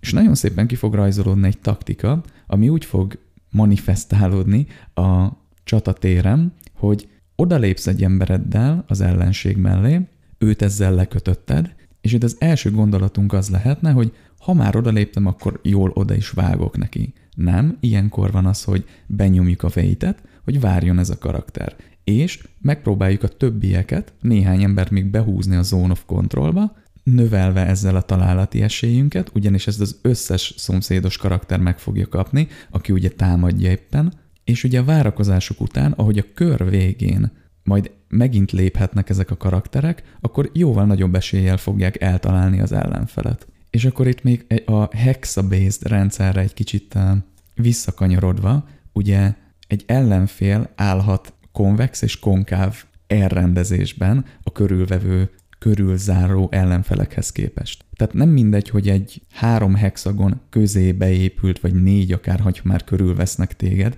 szerencsétlen ember vagy, akit, akit éppen tényleg most így körülvesznek és összecsapkodnak, vagy csak ketten vannak a szomszédságodba, és, és nem hagyod, hogy elkezdjenek körülzárni, tehát mondjuk blokkolod a konkáv elrendezést. És ez a rendszer zseniálisan működik. Onnantól kezdve, hogy valaki megérti, hogy tulajdonképpen hogy is épül fel ez a hexabase saktábla és a zone of control és esély maximalizálás, onnantól kezdve nagyon-nagyon effektív taktikákat tud kialakítani. És mellékágon, de ugyanakkor nagyon fontos mellékágon, tegyük ide még az elevation szabályt, ami praktikusan azt jelenti, hogy egy magasabb szinten álló karakter, tehát magasságban, tehát terep szinten, magasabb terep szinten álló karakter nagyobb eséllyel talál el egy másikat, és ugyanez fordítva egy alacsonyabb terepmagasságon álló karaktert könnyebben eltalálnak. Ugye nem véletlen, hogy a várakat is magassá, magasabb, tehát dombokra építették, hegyekre építették, könnyebb megvédeni felülről, könnyebb eltalálni az ellenfeleket felülről, és mire odaérnek, ugye könnyebb lelődözni őket, tehát kitalálhatjátok, hogy itt egyébként a mozgási lehetőségekre is hatással van az elevation, tehát hogy mennyire nehéz felmozogni egy hegyre, egy dombra, de alapvetően ez is egy, egy nagyon szép valóságból vett példa, hogy aki magasabban van, hát az könnyebben betalál. És ez is gyönyörűen kiegészíti ezt a rendszert. Tehát amint elkezd egy játékos, elkezdi egy játékos ezeket tudatosan alkalmazni, hogy hopp, ott van egy kiemelkedés, egy domb, felállok oda mondjuk egy tank karakteremmel, direkt kialakítok egy konvex elrendezést, amivel egyszerűen oda hívom a, az ellenfeleket, hogy zárjátok körül a tankomat. És a tank az ott fog állni a domb tetején, nyilván a pajzsa mögé bújva, maximalizálva ezzel a, a, védelmi szintjét, és nyilván maga az elevation, maga a magasság is hozzátesz ehhez, és azok a szerencsétlen kis banditák, akik meg úgy vannak vele, hogy uh, ott itt, itt egy ilyen konvex elrendezést ki tudunk alakítani, fog, fogjuk körül ezt a karaktert, azok szépen odagyűlnek, nyilván semmit nem fognak eltalálni, és a, a konkáv széléről érkező embereid meg szépen lenyírbálhatják majd a, szerencsétleneket, akik próbálják agyonütni a tankot, de hát nem tudják, bízva abban, hogy majd ez a konvex elrendezés segít rajtuk, de hát nem fog. Na de, ne is időzzünk itt, mert rengeteg dologról lehetne beszélni, ezek egy alapszabályok, ezek ilyen alapfőszabályok. Viszont ott van például, megint csak egy a valóságból vett példa, a takarások. Ez azt jelenti, hogy vegyünk két egymásnak feszülő ellenfél sort. Tehát, hogy egymásnak szaladnak, és középen van a, a vonal, a front, és ők éppen ott harcolnak. Mi van akkor, ha egy íjász ott van hátrébb 10 méterrel, és le akar lőni egy ellenfelet? Nyilván nem az ellenfelek oldalán áll, hanem a te oldaladon, akkor ha le akar lőni egy ellenfelet, vagy meg akar lőni, akkor egyszerűen nem tud, mert a, a saját csapata takarja az ellenfeleket. Nyilván előfordulhat az, hogy egy pillanatra kilóg, kijön a takarásból egy ellenfél, és akkor talán eltalálja, de nagy valószínűséggel a saját embereit fogja hátba lőni. És ez így a játékban le van képezve. Tehát, hogyha a line of sight, a hexagon base-ben ugye a, rálátás takarva van, akkor nagyon alacsony esélyekkel tud csak találatot elérni, és nagyon nagy eséllyel a saját emberét, vagy ugye a, a takaró tárgyat, mondjuk egy fát, egy bokrot, vagy valamilyen épületrészt, vagy hát egy karaktert fog hátba lőni. De ez így működik ám egyébként az ellenfeleknél is, tehát hogy egy ellenfél takar egy ellenfelet, mert lesz ilyen is. Például most felhozhatnám a nekromanta harcot, egy példának, ahol a, nyilván az élő halottak a nekromantát foggal körömmel fogják védeni, és így tartják a pajzsukat, hogy nehogy eltalálja valaki. Ha ilyen oda be akarsz lőni, akkor bizony nagy valószínűséggel olyan ellenfeleket fogsz eltalálni, akik a pajzsukat tartják, tehát sérülni nem sokat fognak, vagy esetleg bekapnak egy-két nyilvesszőt, de ezzel sikeresen megvédtek egy fontosabb karaktert a csatamezőn. Na most ezen szabályok ismeretébe gondolhatnánk, hogy a távolsági karakterek egy elég kényelmetlen szituációban vannak. Szerencsétlenek így próbálnak mm, fogást találni a, a harcon, és így belőni a sorok között, vagy így megkerülni, és az így, így elég nehézkesnek tűnik. De szerencsére ahhoz, hogy ők az effektívebben tudjanak működni, van egy alszabály, amely kimondja, hogyha az adott távolsági karakter pont egy sor mögött áll, tehát a, az ellenfél és közte egy sor van, és egy takaró karakter, akkor azon büntetések nélkül át tud lőni. Ez praktikusan egy valós szituációban úgy lehet elképzelni, hogy a fronton álló harcosod válla fölött a nyílpuskáddal gyakorlatilag átlősz. Tehát odaállsz mögé, és a ellenség sorai közé belősz egyet a nyílpuskáddal. És hogy nyomatékosítsuk kicsit ezt a szabályt, meg, meg láttassuk azt, hogy mennyire fontos alszabály ez, ha, ez, ha nem, ez inkább egy főszabály szerintem már, vannak konkrét fegyvernemek, amik arra épülnek, hogy te a frontvonal mögött álló sorból harcolsz. Tehát például a hosszú lándzsák, vagy a hosszú fejszék, de vannak long polmészek is, amik ilyen hosszú buzogányszerűségek, azok arra valók, hogy ez a karakter, aki ezeket használja, védve legyen egy frontvonal által, és hátulról csapkodja az ellenfeleket. Ugyanígy vannak az íjászok is, be tudnak állni a hátsó sorba, vagy pedig maradhatnak jól a frontvonal mögött, és lövöldözhetik azokat, akik nincsenek takarásban. Tehát ezen is látszik, hogy ez egy nagyon elegáns rendszer, megint csak egy nagyon jól kitalált design, mert ezt az alszabályt gyakorlatilag most felhoztuk így főszabályi szintre. Tehát gyönyörűen illeszkedik a játék rendszerébe. És természetesen ugyanez igaz a következő szabályra is, ami az armor és a HP leütés, ami praktikusan annyit jelent, hogy a karaktereken lévő páncélzatot előbb le kell ütnöd, mielőtt elkezdhetnéd a HP-ját leütni. Ez effektív annyit jelent mondjuk taktikai szempontból, hogy ha összeszedsz egy nyomorék karaktert, ami semmire nem jó, és ráadod a legbrutálisabb páncélt, amiben meg se tud mozdulni, ő egy ilyen cannon fodderként gyönyörűen el fog lavírozni a csatamezőn, mert mire agyon verhetnék, addigra le kell róla ütni ezt az óriási páncélt. És ezeknek a páncéloknak, jobb páncéloknak rengeteg, hát nem is tudom minek nevezzem, tartósága van, és van, hogy benyelnek több tíz ütést, mire egyáltalán elkezdenek így lehullani az adott karakterről. Tehát nagyon fontos, hogy itt a páncélok nem azt segítik elő, hogy magasabb legyen a védelmi rendszer, tehát a maga a védelmi skilled, mert az egy karakternek a valós skillje, tehát a, a melee defense, az a közelharci védelmi képessége, hanem a páncélok szimplán egy ilyen védelmi réteget raknak rád, ami, ami a valóságban is így van, hogy megvédenek egy darabig a támadások elől. És nyilván ez egy nagyon rigid, egy nagyon kötött rendszernek tűnik így,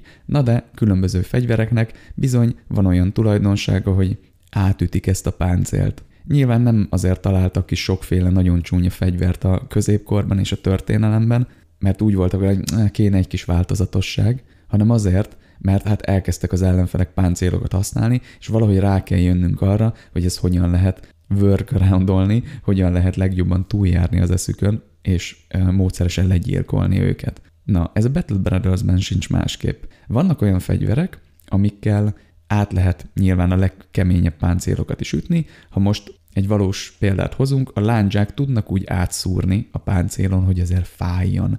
De például ott vannak a kalapácsok, amik azért fájnak, hogyha rácsesznek egy full plate is, egy fullos ilyen, ilyen lemez páncélra, ugyanakkor elég nagy kárt tesznek magában a páncélban is. Tehát a fegyvereknek különböző az az érték, hogy mennyire tudnak egy páncélon átütni, mennyire tudnak direkt a HP-ra sebzést bevinni, és nyilván az is, hogy mennyire kezdik el egyébként lerombolni az adott páncélt. És itt rengeteg lehetőség van, amiben nem fogunk belemenni részletesen. Egy zseniális taktikai megoldást fogok elmesélni, amivel megint csak le fog az tisztulni, hogy mennyire jól kitalált rendszerről van szó. Na tehát, hosszú kardok, pallosok, óriási fejszék. Ki a francnak jutna eszébe késsel támadni, egy bicskával, vagy éppen egy törrel? Egy kés az egy ilyen, ilyen noob, ilyen kezdő item, nem? Minek adnál a, a karakteret kezébe egy ilyen, egy ilyen semmire kellő fegyvert?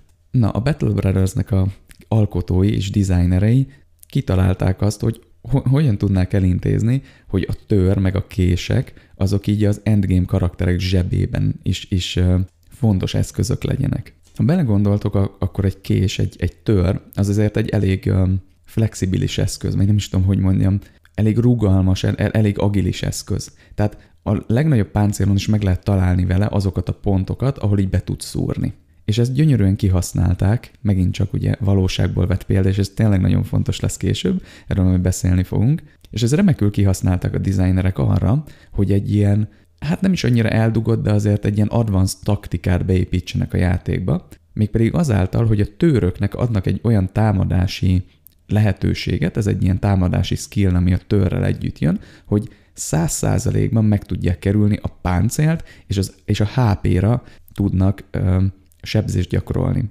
De itt nem az a lényeg, tehát a motiváció nem az, hogy egy törrel meg tudj ölni hamar a nagy páncélja alatt egy karaktert, ha bár első látásra így tűnik, mert egy bazin egy kalapáccsal, fejszével vagy karddal még így is hamarabb célt érsz. Tehát annyira keveset sebez a tör, hogy inkább nekiállsz egy kalapáccsal, levered a páncélt és agyonvered, azzal hamarabb kinyírod. És így ezáltal, hogy értékes legyen a tör és a páncél alá beszúrást, implementáltak egy olyan rendszert, hogyha szétvered az ellenfelen a páncélt, akkor az valószínűleg már nem lesz használható. Viszont ha egyben tartod rajta a páncélt, és meghal az ember, akkor azt a páncélt le lehet szedni róla, nyilván a csata végén, és lootként begyűjteni. És az az esély, hogy ezt a páncélt be tudod-e lootként gyűjteni, az szerint változik, hogy mennyire pusztítottad el a páncélt. Tehát ha hozzá se nyúltál, száz százalékon tartottad, akkor nagy valószínűséggel droppolni fog a lootok között, tehát jönni fog a loot. Viszont ha leverted 50%-ra, akkor már nagy valószínűséggel nem fog esni, ha meg teljesen elpusztítottad, akkor biztos. Na varjuk össze ezt az egész rendszert, az összeset, amit eddig beszéltünk. Azt látod, hogy áll veled szembe 8 bandita, és van egy kilencedik, egy vezetőjük, egy raider. És a te, hát nem szerencsétlen, de még nem túl gírelt embereid ott állnak, és látják, hogy ú, ott van ez a, ez a erősebb karakter, és egy nagyon fasz a páncél van rajta. Nyilván meg akarjuk szerezni ezt a páncélt, ezáltal upgrade-elni a mi kis csapatunkat. Mit fogunk tenni? Nyilván megkeressük ugye a, az elevation a magas pontokat, odarakjuk a tankunkat, megpróbáljuk becsalni őket egy, egy olyan pozícióban, ahol le tudjuk nyírbálni az embereket, ezekről már beszéltünk. Viszont nagyon fontos, hogy az egyik tankodat oda kell vinni ehhez a erősebb ellenfélhez, páncélosabb vagy erősebb páncélzattal, jobb gírrel rendelkező karakterhez, és le kell kötni egy olyan pár percre, amíg a többieket kinyírjuk. Miért? Azért, mert egyrészt ne jöjjön be a csatamezőre, mert valószínűleg erős, de a tankodat nagy valószínűséggel nem fogja kinyírni, mert az folyamatosan pajzs mögé bújva próbálja majd, majd a, az ütéseit szépen felszívkázni. Másrészt nem akarod bántani ezt a karaktert addig, amíg ki nem nyírtad a többit. Mert az fogod tenni, hogy amint tisztul a terep, és ti lesztek fölényben, az embereidet elkezded köré vonni ennek az erősebb karakternek, és szépen hat emberrel körülzárod. Tehát nem mehet sehova. Előveszed a bicskákat, ugye nyilván a surround bónusz miatt a bicskákkal nagyobb eséllyel fogsz találni, tehát elég nagy eséllyel fogsz beszúrni, és mindegyikkel elkezded használni ezt a puncture skillt, amivel beszúrsz a páncélja alá. Tehát a páncélját nem teszitek tönkre, hanem szépen alól, alóla kiszurkodjátok magát az embert, bármilyen brutálisan is hangzik, és ezáltal maximalizáltátok azt, hogy, hogy meglegyen az a páncél, mint drop, és ezt majd valamelyik embered, potenciálisan egy tankod majd magára tudja ölteni a következő harcban. És ez végig kísér az egész játékban. Tehát az, hogyha meglátsz egy jobb páncélt, akkor így érdemes kifarmolni. Mert sajnos rohadt drágák a páncélok, soha nem lesz rá pénzed, vagy hát elég ritkán, és sokkal effektívebb begyűjteni más karakterekből. És ez egy elképesztően jó rendszer, tehát nagyon jó motivációk, taktikai motivációk vannak benne.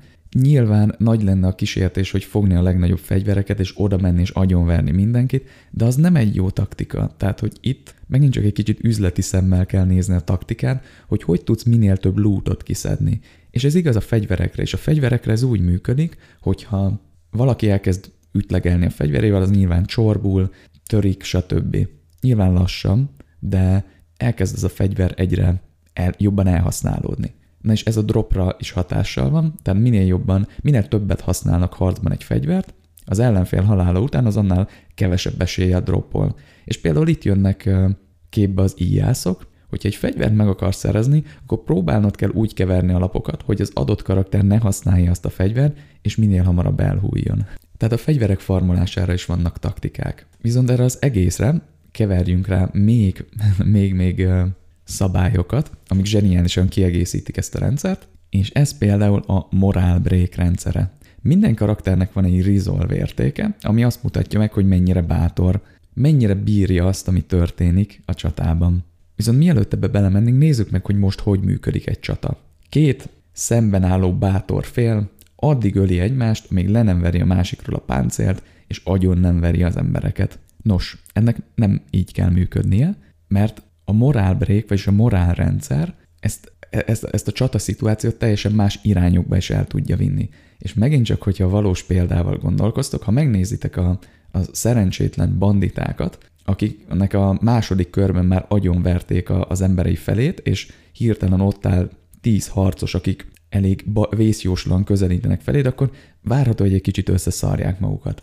Na ez a morálrendszer. A morálrendszer úgy működik, hogy egy karakternek több állapota lehet. Lehet egy ilyen ultra magabiztos bátor állapota, akkor kap néhány pluszt a támadására és a védekezésére, mert ugye fel van spanolva, jobban teljesít. Van az alapállapot, amikor csak a skilljei határozzák meg, és így magabiztos. Viszont van, amikor már elkezd egy picit így látszani a zsebében a fehér zászló, ezt a játék egyébként pici, ilyen éppen látható fehér zászlóval jelöli, na akkor már elkezd egy kicsit így gondolkozni rajta, hogy itt baj lesz. Gyengülnek a képességei, mert már azon jár egy kicsit az esze, hogy, hogy el kéne innen menekülni. Aztán a következő szint, hogy ez a zászló egészen, tehát így szépen elkezd kirajzolódni, akkor még gyengébben teljesít, és egészen odáig el lehet jutni, hogy teljesen feltartja a fehér zászlót, és elkezd menekülni. Ilyenkor semmiféle harci képessége nincs, tehát nem is fog támadni, és teljesen lecsökken mindene, tehát hogy sokkal könnyebb megütni. Tehát valójában úgy néz ki egy harc, hogy elkezdtek harcolni, és annak megfelelően, hogy hány ellenfél hullik el, meg milyen ütéseket szenvednek el, morálcsekkek fognak történni. És a morálcsekk az egy lavina effektus. Ez azt jelenti, hogy tegyük fel, valakit arcon vernek egy bazin egy kalapáccsal, és ez neki fáj. Na az, a karakter azt fogja mondani, hogy ez nem egy jó hely, lehet, hogy innen le kéne lépni, és egy ilyen közepes szinten leesik a morálja, és még tud harcolni, még ott marad a harcban, de már nagyon azon jár az esz, hogy el kéne húzni. Ezt a kis barátai észreveszik, és azoknál is kivált egy morálcsekket. Hoppá, a Jóska összeszarta magát, akkor nem, és ő, ő közülünk talán a legerősebb, akkor lehet, hogy neke, nekünk sem sok esélyünk van, és nekik egy picit így kibújik a zsebükből az ászló. Na ez, ez a morálcsek és a cascading morálfél. De mielőtt nagyon elbíznánk magunkat, hogy hát így, így rohadt könnyű egy csata, ez ránk is jellemző, tehát a mi embereinknek is van morálja. És az a helyzet, hogy főleg early game nagyon hamar be tudnak szarni. És na- nagyon hamar el tudnak jutni arra a szintre, hogy ejha, meghalt az egyik izé társunk, aki egyébként csak egy Canon fodder volt, és amúgy egy napja van a csapatunkba, meg, de, de azért meghalt valaki, én ezt nem bírom, és inkább azért egy, egy picit azért ért meg ilyenek, ezért rosszabbul fogok tudni harcolni, és akkor szépen elindul egy lavina effektus nálunk is. Tehát a morálrendszer gyönyörűen kiegészíti a taktikai léját, ugyanis figyelned kell egy teljesen másik rétegre is, jóformán arra, hogy nem csak úgy törheted meg az ellenség sorait, hogy megölsz mindenkit, és így szépen lenyírbálod őket, hanem úgy is, hogy kifókuszálod a leggyengébb karaktereket, akiknek szinte semmi páncélzatuk nincs, és a lehető leggyorsabban agyonvered őket, ezzel csökkentve az ellenfél morálját. Na és itt, hogyha belegondoltok, ez az egész uh, harci szabályrendszer egy remek változatosságot ad a játéknak, mert egyébként még csatlakozik ehhez egy csomó másik ilyen mellékszabály, például az, hogyha mocsárban küzdesz, akkor lassabban lehet mozogni, ha hegységben is úgy spawnol, hogy te állsz alul, akkor elég hamar menekülnöd kell, és meg kell másznod egy hegyet, amíg lőnek téged, vagy visszatérve egy mocsára, hogyan tudod úgy terelni az ellenfeleket, hogy azok szmötyis vízben álljanak, ahol rosszabbak a harci képességei, de így csak a főszabályokra visszakanyarodva, tehát mindig adaptálnod kell a taktikádat az adott helyzethez. És ez zseniális. És annyit leszpoilerezhetek, hogy a designereknek, a játékkészítőinek ezt így nem... Én, én arra számítottam, hogy ezt így leültek és kitalálták és kiprototipizálták, és, és egyszerűen ez egy nagyon tudatosan felépített design journey volt, ami részben így is volt, de ezek a szabályok organikusan születtek lényegében, mert sokat emlegettem itt a valós harci szituációkat, és na, ezt még nem spoilerezem rá, hogy itt konkrétan mire gondoltam, de annyit már elmondhatok, hogy a játék alkotói rengeteget inspirálódtak a valóságból. És ezek triviális dolognak tűnhetnek, hogy hát persze nem, kell, nem szabad kimozogni másiknak a kontro- kontrollzónájából, tehát a harci helyzetből. Nyilván, hogyha elég ideig ütsz egy páncélt, akkor az leesik rólad, és utána nehezen megjavítani, tehát lehet, hogy javíthatatlan. Nyilván nem tudsz átlőni a saját soraidon az ellenfélre, persze ezek ilyen nyilvánvalóak, de valahonnan ezeket az ötleteket be kellett gyűjteni ezeket az inspirációkat, és egy jól működő körökre osztott rendszerré össze kellett varni. Na erről majd még beszélni fogunk. Na, viszont mielőtt tovább lépnénk, még színezzük ezt a rendszert egy kicsit, tehát ezt a zseniális harci layert, annak a lehetőségek tárházát még bővítsük ki néhány ilyen alszabályjal vagy lehetőséggel. Ugye beszéltünk már például a közelharci fegyverekről, ezekről a pólokról, amivel a, a frontvonalad fölött, mögött át tudsz ugye ütni rajtuk, meg a távolsági fegyverekről. Viszont van még rengetegféle más megoldás is a harcokba. Például vannak ilyen kezdetleges puskák a játékba, vagy ilyen agyaggránátok, ugye ezek ilyen inkább ilyen középkori ö, első próbálkozások, leginkább a déli népeknél, de ezeket be lehet gyűjteni és lehet alkalmazni. De például vannak kifejezetten utility fegyverek, ami például egy ostor, és egy jó közelharci skill rendelkező ostorral jó, jól bánó karakter nagyon jó szolgálatot tud tenni a csatában, ugyanis rendelkezni fog a disarm képességével, mégpedig az, hogy kicsavarja, kitépje az ellenség kezéből a fegyvert egy kör erejéig. Na most ez arra jó, nyilván, kitalálhattátok, arra is jó, hogyha fegyvereket szeretnétek majd lootként látni, bizonyos fegyvereket a harc után, akkor folyamatosan dizármoljátok azt a karaktert, akinél ez a fegyver van, és hát akkor nem lesz lehetősége ütni vele. Viszont ez arra is nagyon jó, hogy majd találkozni fogtok olyan erős és, és veszélyes fegyvereket kézben tartó karakterekkel, akiket egyáltalán nem akarjátok, hogy valaha üssenek, de azokra vagy két ostort is rá kell állítani, hogy nehogy véletlenül azt a fegyvert meg tudják lendíteni. De például van egy ilyen dobó, hát nem is tudom, dobó dárda-szerűség. Na, ezt nem, nem, nem tudom most a nevét, meg nem annyira értek a középkori fegyverekhez, de ez a dárda valahogy arra használt, hogy kitépje a, a, az ellenség kezéből a pajzsot, tehát beleállt a pajzsba, és ez valahogy így a lendülettel így kitépte. Nem tudom, hogy működik, vagy lehet, hogy egy kötél is van rajta, és ilyen, ilyen ilyen hurkos, és akkor úgy tépett ki a kezében, nem tudom, de az a lényeg, hogy létezik egy ilyen fegyver a Battle Brothers-be, amivel effektíve a pajzsot ki tudod szedni a, az ellenfelek kezéből. Na és apropó pajzsok, megemlítenék itt most három fegyvert, ami, ami gyönyörűen beleillik ebbe a dizájnba, mindabban, amiről eddig beszéltünk. Az egyik a, a dárdák, a spearek, a sword, azaz a kardok, és a pajzsok. Maguk a pajzsok mind egy külön kategória.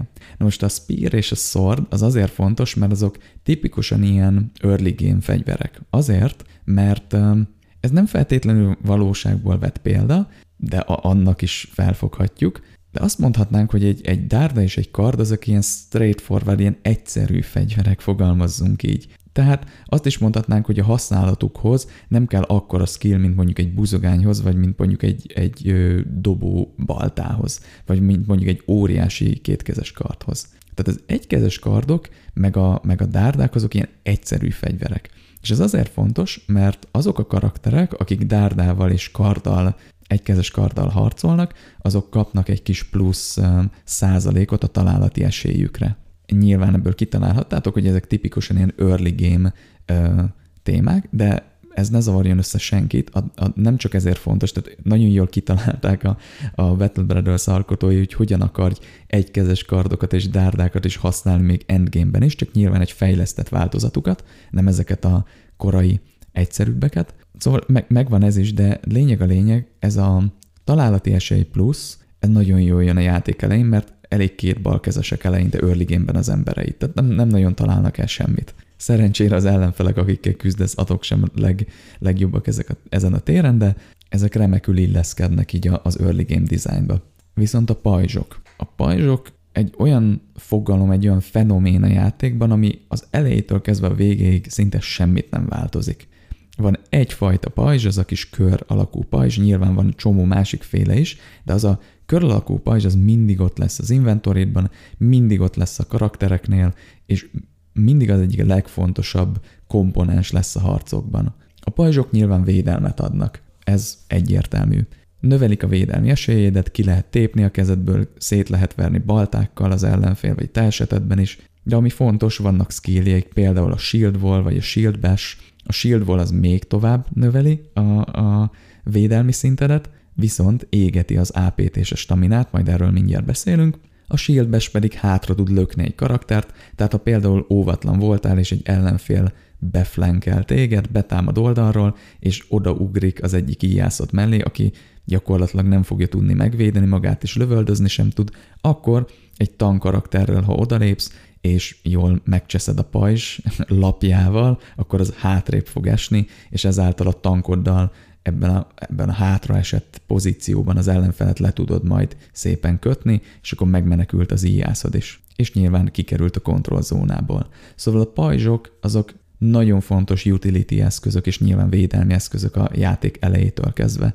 Viszont fontos, hogy, hogy risk and reward, meg opportunity cost, tehát hogy ezek, ezek azért benne vannak a pajzsokban is, hogy nagyon fancy és nagyon hasznosnak tűnnek, viszont van egy olyan szabály is a játékban, hogyha adott egy fegyver, amit egy pajzsal együtt, tehát nem kétkezes fegyver, hanem egy, kez, egy kézzel is használható fegyver, amit pajzsal is nyilván tudsz viselni, akkor ha azt két kézzel fogod, tehát double griped van, akkor nyilván nagyobbat tudsz vele ütni.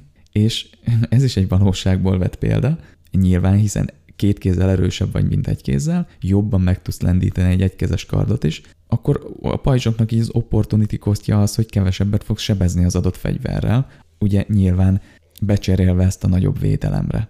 Egyébként ezt taktikailag úgy érdemes lekezelni, tehát az egy nagyon jó effektív taktika, hogyha minden karakteret kivéve a, a legsutább um, tank karakterek, vagy az én cannon fodder emberek, de általánosságban azoknak, akinek plusz védelmet adnál pajzsal, úgy érdemes kezdeni a csatát, hogy a fegyvereiket double grippelik, és a hátukon van a pajzs. Tehát nem, nem, nincs, nincs a kezükben a pajzs. És ha véletlenül körülzárják őket, tehát hogy úgy sikerül alakítani a harcot, hogy azért körbeveszik őket, akkor meg kell fogni a pajzsot, és kézbe kell venni, és akkor ezt az opportunity costot, ezt a, a, a sebzést, becserélését a védelemért, ezt dinamikusan meg tudod tenni, mert igen, a karakterek dinamikusan tudják a fegyvereiket cserélni harcban. Igaz, ez AP-ba és staminába kerül. Na és így érkeztünk meg egy nagyon fontos komponenshez, amit direkt a végére akartam hagyni, mert megint csak egy, egy elképesztően jól kitalált e, e, komponensről beszélünk, ami egy nagyon elegáns design szül, és mégis annyira logikus, és ez nem más, mint az AP és a stamina rendszer. Ha megnéztek körökre osztott játék példákat, akkor általában ezt a két fogalmat, ugye az akciópontokat és a staminát, azaz az állóképességet össze szokták mosni. Ez azt jelenti, hogy minél több állóképessége, minél több szusz van egy embernek, tehát minél több, minél nagyobb a tüdeje, minél jobban bírja, az annak annál több akciópontja van. Vagy nagyjából mindenkinek egy ak- a, egységnyi akciópontja van, és maguk a, a, az akciók, amiket véghez véhetnek, azok nem, nem kerülnek tényleg állóképességbe, fizikai energiába. Na most a Battle Brothers ezt teljesen külön kezeli.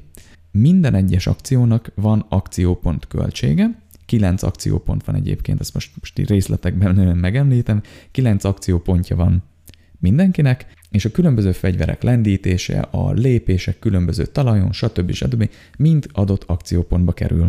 Ez nagyon jól ki van balanszolva természetesen, tehát például, mondok, mondok egy jó példát, egy kétkezes fegyvert meglendíteni, az gyakorlatilag egy kör.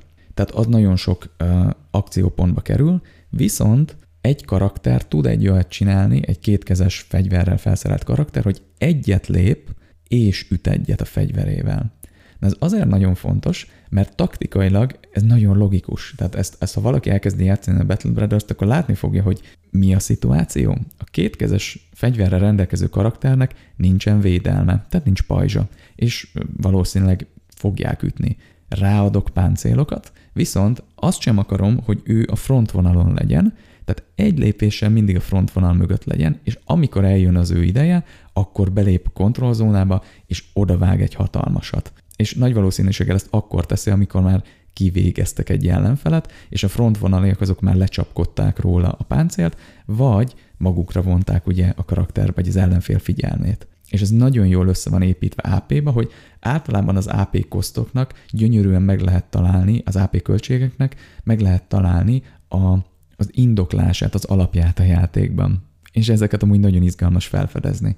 Viszont ott van a stamina rendszer. Na, ez egy érdekes dolog. Ugyanis a stamina az egy valós, és megint csak valódi példákon alapuló állóképesség. Ergo egy karakter egy könnyű bőrpáncélban sokkal könnyebben mozog, és sokkal kevésbé fárad, mint egy bazi nagy plate mailben, egy, egy lemezpáncélban.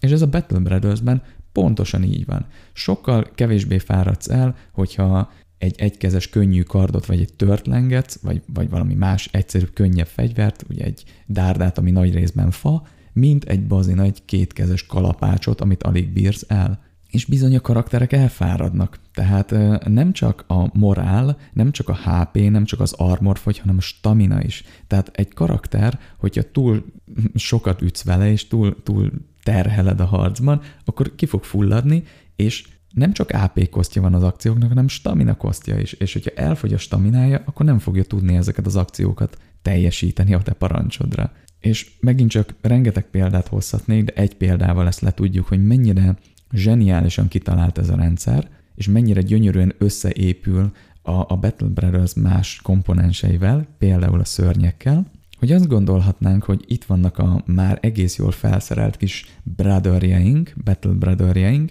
és itt áll előttünk 20 zombi, akiknek se fegyverük, csak harapni tudnak, lassúak, hülyék, ezeken végig megyünk, mint a fűnyíró. Na most ez a játéknak egyik zsenialitás, hogy itt van a stamina rendszer, és kit, egy, egy idő után, vagy az óvatlan játékos rá fog jönni, hogy ja, a zombiknak nincsen staminája, tehát nem fognak elfáradni, nincs állóképességük, meg a csontvázaknak se, és amúgy sokan is vannak. Az embereink meg elkezdenek elfáradni, és amúgy ezeket a zombikat agyonverni, amik így körönként egy-kettő újra éled, azért nem olyan könnyű, úgyhogy hamar rá fog jönni az óvatlan játékos, hogy a stamina rendszer ki fog vele cseszni, és a zombik, a, a senki házi gyenge zombik azért fognak fölé kerekedni, mert ők egyszerűen nem fáradnak el, a te embereid meg egyszerűen összeroppannak a fáradtságtól, mire végigverik magukat 15-20 zombin. Aztán a tapasztalat, amire játékos már rájön, hogy nem az a megoldás, hogy nem ütöd le ezeket a zombikat, hanem az a megoldás, hogy az embereidnek ki kell váltani, főleg a, a fáradékonyabb, nehezebb páncélt viselő embereidnek, a recover skill ami azt a megoldást adja a kezetekbe, az embereid kezébe, hogy egy kört elhasználva gyakorlatilag vissza tud nyerni egy csomó staminát, és, és mint úgy revitalizálva vissza tud térni a csatába. És a még tapasztaltabb játékos rájön arra, hogy hoppá, a stamina az egy fontos skill, ezt fejleszteni kéne az embereimnél, sőt, már olyan háttérrel rendelkező embereket kéne keresni, felbérelni, akiknek jó a staminájuk. És megint csak ez elkezd egy gyönyörű, szép rendszerré összeállni, ami végérvényben egy nagyon elegáns dizájnál fog összeállni. És itt még beszélhetnénk ugye a, tényleg a páncéloknak a stamina költségéről, hogy hogy érdemes építeni a különböző karaktereket, vagy hogy például hogy hat a, a brownie, most furcsán hangzik, nem, nem a, a, a süti brownie, hanem az brownie képesség, csak lehet nem jól mondtam ki, vagy a Battleforged skill, vagy éppen a, a Nimble skill a karakterépítésekre, Egyébként a Battleforged az egy olyan skill, ami azt támogatja, hogy minél több páncél legyen rajtad, és a, a Brownie, Brownie az, az ö, csökkenti a stamina kosztját a, a páncéloknak. A Nimble pedig pont az ellenkezője, hogy minél kevesebb páncél van egy karakteren, annál jobb neki, nyilván kibalanszolva ezt egy, egy ilyen risk and reward határon. Szóval a, a skilleket elő se szedjük, mert akkor napestig nem végeznénk, de legyen elég annyi, hogy ez az összes rendszer, amiről beszél, összes komponens, amiről beszéltünk, ebben a zseniálisan kitalált harci rendszerben, alá van bástyázva, és, és oda-vissza szimbiózisban, szinergiában hatnak és működnek a karaktereknél megnyitható skillekkel. És nyilván ezek a szinergiák vezetnek a buildekhez, amik megint csak remekül ki vannak találva, és az az érdekes, hogy vannak meta buildek, de időről időre felütik a fejüket olyan nagyon különleges bildek a játékban, amik, amiket eddig senki sem használt, viszont szituációsan zseniálisan, zseniálisan használhatók, nagyon effektívek, és valahogy úgy sikerült kibalanszolni, kiegyensúlyozni ezt a rendszert a Battle Brothers-ba, hogy tényleg vannak metabildek, de egyébként nagyon sok tere van a kísérletezésnek, meg ki lehet lyukadni egy olyan hibrid builden, ami zseniálisan működik és a nem metabildek is nagyon jól működnek. Itt a metabildek inkább arra vonatkoznak, hogyha így építed az adott embert, akkor biztos egy, egy hasznos brother lesz. De építheted másképp is, úgy is hasznos lesz, csak egy kicsit másképp lesz hasznos. Na, viszont nem szeretnék itt a részletekben elsüllyedni, vagyis hát itt, itt nagyon meg, elmenni a részletek irányába, mert ugye megint csak nem Battle Brothers oktató podcast rész ez, de még biztosan elő fognak kerülni majd ide csatolható komponensek, ahogy majd beszélünk a, a játéknak a design oldaláról. Viszont mielőtt erre rátérnénk, ugye említettem, hogy a Battle Brothers nem egy könnyű játék. Tehát egy kifejezetten nehéz játék. És ne, nem, nem úgy nehéz, mint egy Dark Souls. Tehát a Dark Souls az egy kicsit ilyen, ilyen szempontból úgy, úgy, úgy egyértelmű, hogy gyakorolni kell, megtanulni a patterneket, stb. A Battle Brothers az, az egy nagyon aljas játéknak tűnik így, így a felszínen, és sokkal nehezebben adja magát az a sikerélmény, amit például a Dark Souls-ban úgy, úgy sokkal dinamikusabban, vagy sok, sokkal előbb azonnali visszacsatolásként megkapsz, hogyha, hogyha próbálkozol. A Battle Brothers-ben ezért is tényleg nem vicc, hogy 150 óra játék után még, még ilyen kezdő vagy. De tényleg, tehát hogy akkor így talán az early game-et, meg a, a, a mid game-et így valamennyire meghódítottad, meg érted. De az biztos, hogy, hogy akkor még rengeteg olyan kellemetlen meglepetést tartogat a játék, amire abszolút nem vagy felkészülve. Na de, beszéljünk arról, hogy miért is ennyire nehéz ez a játék, meg miért adja nehezen magát ez a, ez a pozitív visszacsatolás. Röviden úgy lehetne megfogalmazni, hogy mert ez egy taktikai RPG, aminek a fő gameplay loopja egy gazdasági szimulátor. És ennek önmagában nem kéne, hogy probléma legyen, de az a helyzet, hogy úgy vagyunk bedrótozva, hogy hogy nem tudunk emberi életekre kapitalista módon tekinteni. Legalábbis a, a, a nagy többség. És erről azért már beszéltünk az előzőekben, és konkrétan ez az az indok, vagy ez az ok, amiért ez a játék nehezen adja magát. Most vegyünk, vegyünk egy ilyen alap gameplay loopot, egy nagyon alap példát. Ugye ott volt a recruit, amikor felveszünk egy embert, ott volt a harc, a fejlődés és a gearing. Na, mondjuk 200 aranyért felveszel egy daytailert, hát egy ilyen napi munkás karaktert. Az x napon meghal. Most venned kell azt, hogy mennyiért toboroztad az adott embert, 200 arany, plusz összeadod a napi béreket, a, a összes eltelt nap szor a napi bére ennek a, a, a harcosnak, plusz, hogyha valamilyen cucc tönkrement rajta, tehát vagy megsemmisült, vagy mondjuk annak a javítási költsége, és akkor kijön belőle mondjuk egy 600 arany költség. És ezt össze kell vetned azzal, hogy mennyi hasznot hozott neked.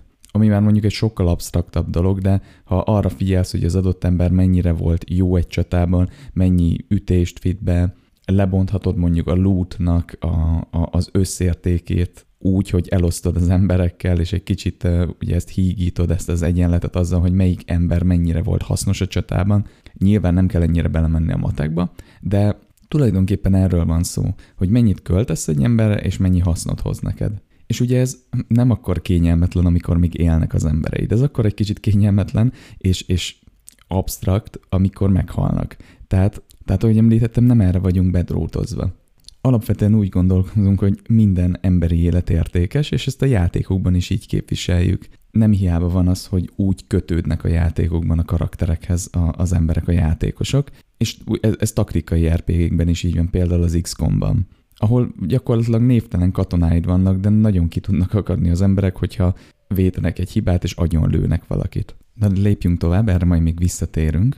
A második dolog, amiért nagyon nehéz ez a játék és nehezen adja magát, az nem más, mint a durva kényszerrendszerek. Ezek gyakorlatilag motivációk, de ilyen elég durva motivációk. Ezek azok a rendszerek, amik hajtanak téged előre. Nem úgy motiválnak téged, hogy, hogy hívogatnak, hogy kívánatos célokat raknak eléd, hanem gyakorlatilag kényszerítenek téged, ami szintén egy motiváció csak a másik irányból.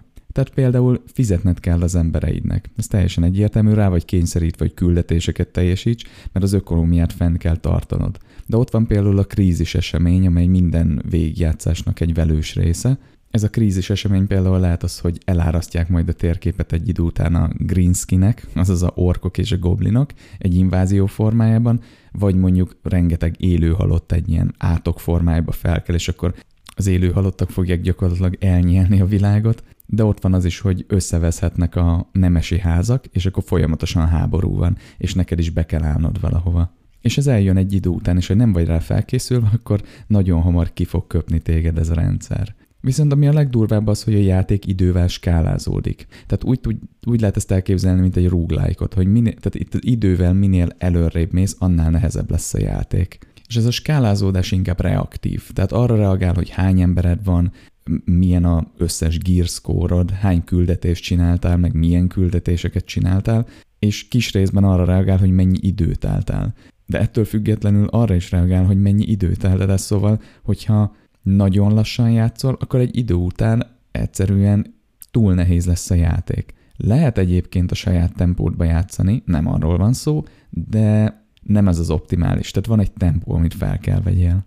Egy kicsit fura példán keresztül bemutatva ez olyan, hogy mondjuk a budapesti forgalomban azért egy lassabban vezető sofőr is el tud lavírozni, de azért valamilyen szinten fel kell venned a, a tempóját a közlekedésnek. És a harmadik pont, amit kiemelnék, az az, hogy ami egy nagyon érdekes pont, hogy a valóság, a való élet az unfair, tehát nem, nem kifejezetten igazságos.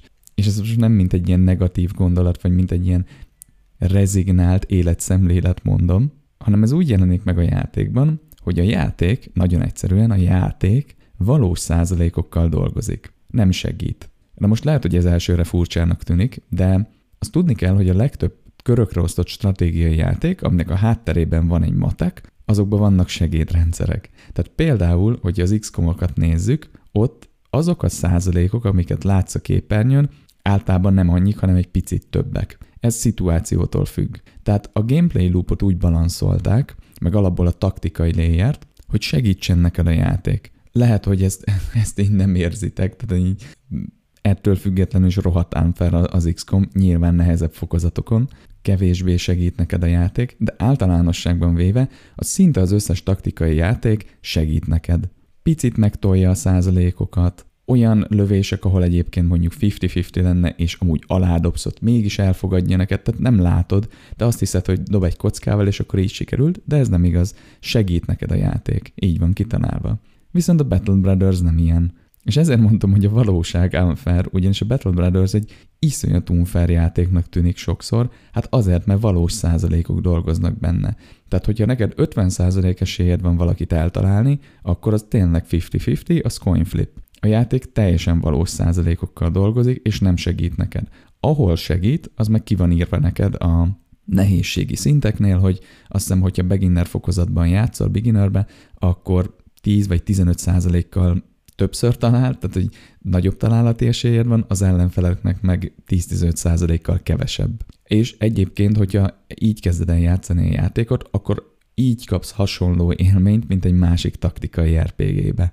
Mert ott is nagyjából ezek a százalékok dolgoznak általánosságban a játékban, még az XCOM legnehezebb fokozataiban is. És itt ezen a ponton ne higgyük azt, hogy ez egy, tehát hogy mostantól kezdve máshogy kell szemlélnünk a taktikai játékokat, mert hazudnak nekünk. Nem, ez az általános. Tehát mindenki tudja, vagy akik taktikai RPG-ket fejlesztenek, meg olyan játékokat, amiben ugye kockadobással döntünk arról, hogy valami talált, nem talált, valami esemény történik, azok tudják, hogy statisztikailag a játékosok általánosságban veszíteni fognak. Ez most nagyon dióhéjban azért történik, mert minél több rendszer van jelen egy játékban, ami ugye szerencse alapú, tehát egy kockadobás az alapja, azok összesített eredményei statisztikailag egyre valószínűtlenebbek. És ezeknek a kockadobásoknak nem kell lineárisan egymás után történniük, a gameplay loopba bármikor lehetnek. És ezt ellensúlyozni kell.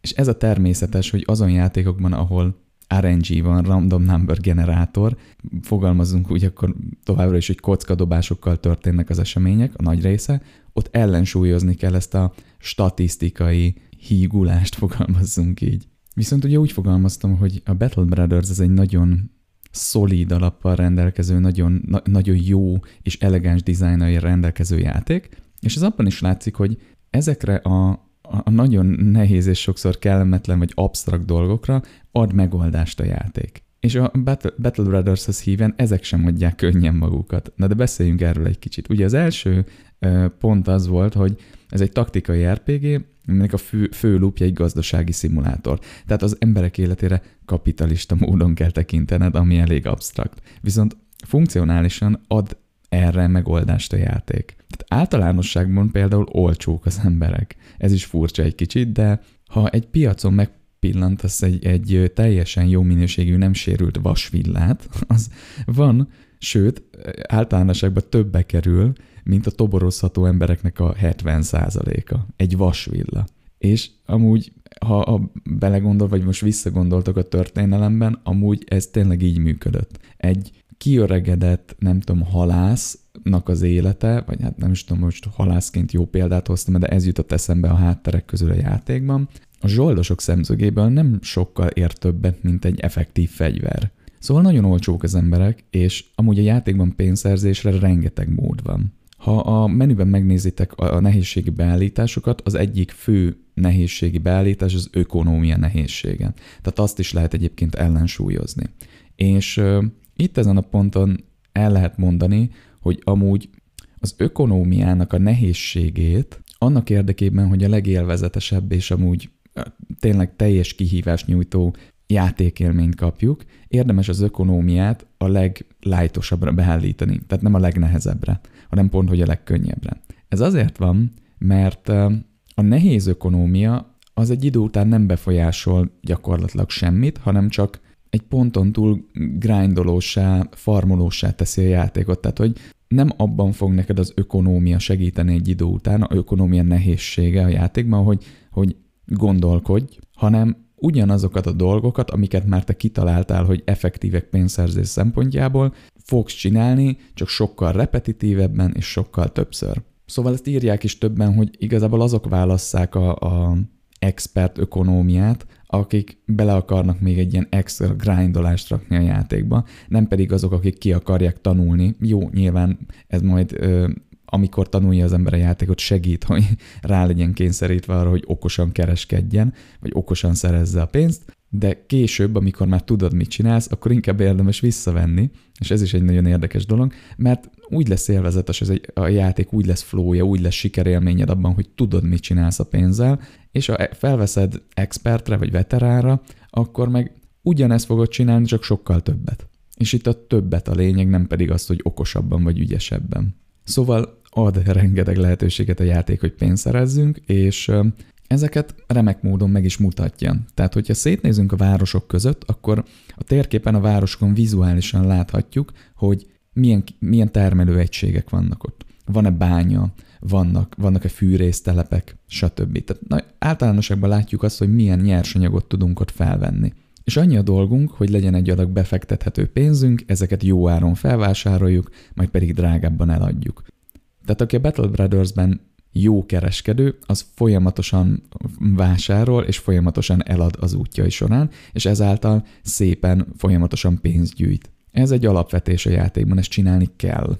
Aztán ott vannak ugye a harcok. A harcokból, hogyha lootolunk, tehát ugye fegyvereket, páncélokat szerzünk, azoknak elsődlegesen nem az a szerepe, hogy a saját embereinkre rárakjuk, természetesen ez is nagyon fontos, de az az elsődleges szerepe, hogy ezek gyűjjenek nálunk, javítsuk őket, tehát egyre jobb állapotra hozzuk. Ez általában a T2-es, tehát a Tier 2-es fegyverekre lesz majd igaz, vagy a fölött. Tehát a T1-es ilyen fabunkókat, meg vasvillákat nem érdemes megjavítani, mert többe kerül maga a szerszám, amivel megjavított, mint amennyit el tudod majd adni.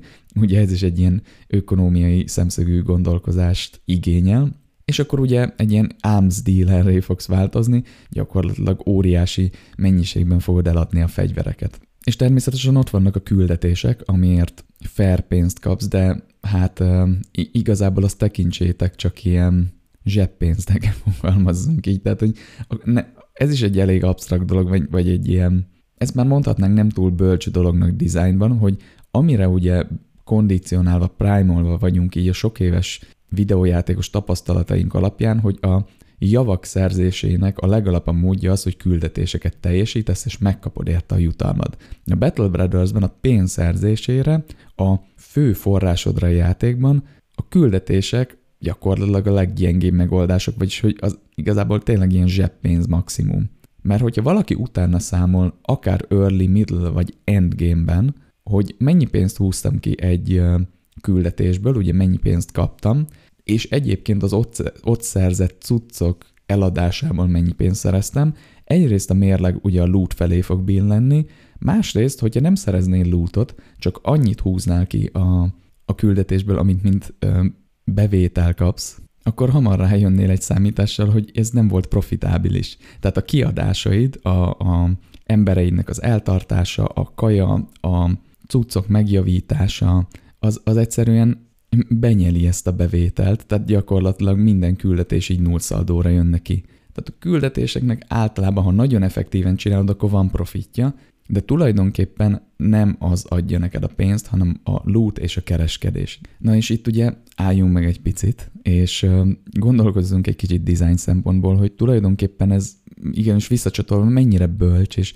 mennyire, mennyire rizikós lépések ezek. Tehát az, hogy adunk egy játékot, amiben az alap gameplay loopba beletartozik, hogy folyamatosan meghalnak az embereid, és még ott van az is, hogy amiről ugye most beszéltem, hogy a küldetések teljesítése az gyakorlatilag a leggyengébb mód arra, hogy a játék szempontjából legfontosabb resource-ot, alapanyagot, ugye a pénzt beszerezd. Beszéltünk már régen a metainformációkról.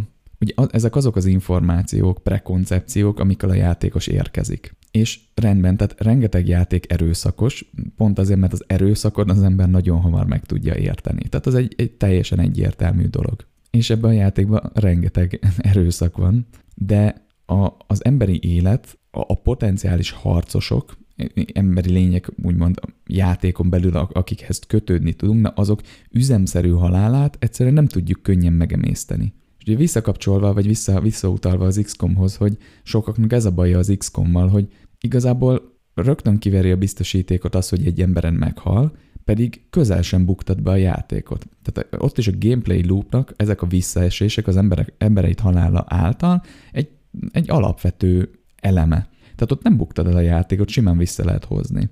És a Battle Brothersnek alapvető eleme, még jobban egy core eleme az, hogy a zsoldosaid meghalnak. És ezt nem könnyű megemészteni. Tehát ehhez el kell kezdeni gondolatban közelíteni ehhez a koncepcióhoz, és el kell elkezdeni alkalmazni az embereit halálát funkcionálisan a játékban, hogy, hogy ez úgy beépüljön. Majd beszélünk róla, hogy hogyan.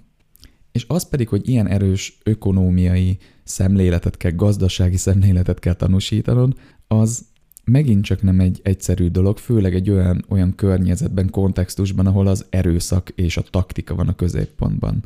És ugye nyilván ez azt befolyásolja, hogy, hogy itt van a zsoldos seregem, harcosok vagyunk, küldetéseket teljesítünk, tehát ez, ez annyira egyértelmű. És aki ez, ez szerint indul el a játékban, az koppanni fog. Mert egy idő után azt veszi észre, hogy ne, nincs elég pénze, elfogyott, kész, vége, buktad a ránt. Mit csináltam rosszul? Hát azt, hogy nem kereskedtél, nem figyelted a térképet, nem használtad ki a, a, a különböző helyzeteket, nem kereskedtél fegyverekkel megfelelően, nem jó helyen adtad el őket, és még rengeteg dolgot fel lehetne sorolni, ami ugye mind ökonómiai szemlélet. Szóval ez nagyon rizikós. Tehát, hogy ezt valószínűleg látták előre. És akkor ezen a ponton ö, mondanám el, hogy itt már, tehát itt majd feltételezéseket fogok tenni, hogy a játék dizájnja szempontjából szerintem mit gondoltak a fejlesztők. És ez azért lesz izgalmas, mert én már tudom, hogy ebből, ezekből a feltételezésekből mi igaz és mi nem igaz, mert ugye beszéltem a fejlesztőkkel, küldtem nekik kérdéseket, és nagyon izgalmas volt utólag ránézni, hogy én, amiket design szempontból feltételeztem, mennyire igazak vagy sem. És e, előre elmondhatom, hogy lesznek, amiket, amiket jól gondoltam, tehát, hogy amik, azok a feltételezéseim validálva lettek, és lesznek olyanok, amik meg hát nem bizonyultak igaznak, mert teljesen másképp gondolkoztak. Szóval itt azt mondtam, hogy, hogy szerintem tudták, hogy ez egy rizikós húzás lesz. Én, én erre abból következtettem, hogy azért elég sok helyen a játékba próbálják jelezni, hogy figyelj, ez, ezt így kell csinálni. Próbálnak rá megtanítani, próbálnak erre az abstrakcióra megtanítani. Na és ugye a második pont a durva kényszerrendszerek voltak. Ezek a durva motivációk. Na ezeket kordában tudod tartani. Tehát egy idő után, amikor leesik a játéknak az alap lúpja így a fejedben, és elkezdesz ökonómiai szempontból gondolkozni, akkor a pénz annyira nem lesz probléma. Tehát tudod fizetni az embereidet, fel tudod őket fegyverezni, és nyilván, ahogy kitanulod a, a taktikát, a harcosait, skilljeit, a játék egyéb részeit, így maga a játéknak a nehezedése, ugye skálázódása sem fog akkor a problémát okozni. Szóval a kényszerrendszerek egyébként nagyon szépen rá vannak ültetve a gameplay loopra. De az, az tény, hogy nem adja könnyen magát. Tehát ezek a, a, ezek a kényszerrendszerek először nagyon pofán fognak csapni, aztán később, amikor majd kitanulod a játékot, akkor majd elkezdette szépen őket kordában tartani, majd tényleg teljesen nyerekben érezni magad fölöttük. És ugye említettem, hogy skálázódik a játék idővel, de alapvetően lehet a játékot lassan is játszani. Persze, hogyha tudod, mit csinálsz. Tehát, hogy nem kell rohanni. Alap, alapeleme a játéknak, hogy nem szabad belerohanni olyan harcokba, amik túl rizikósak. Vagy éppen el kell futni egy harc elől, ami túl rizikósnak indul. Erre most egy nagyon egyszerű példát fogok hozni, hogyha dom vagy hegyvidéken kezdesz harcolni egy brigand csapattal, egy út, útszéli bűnözőkkel, akkor az, hogy hova spawnol be az adott random generált mapon a játék, az dönt arról, hogy neked most futni kell, vagy megnyugodhatunk, mert ezeket úgy agyonverjük, mint a húzat.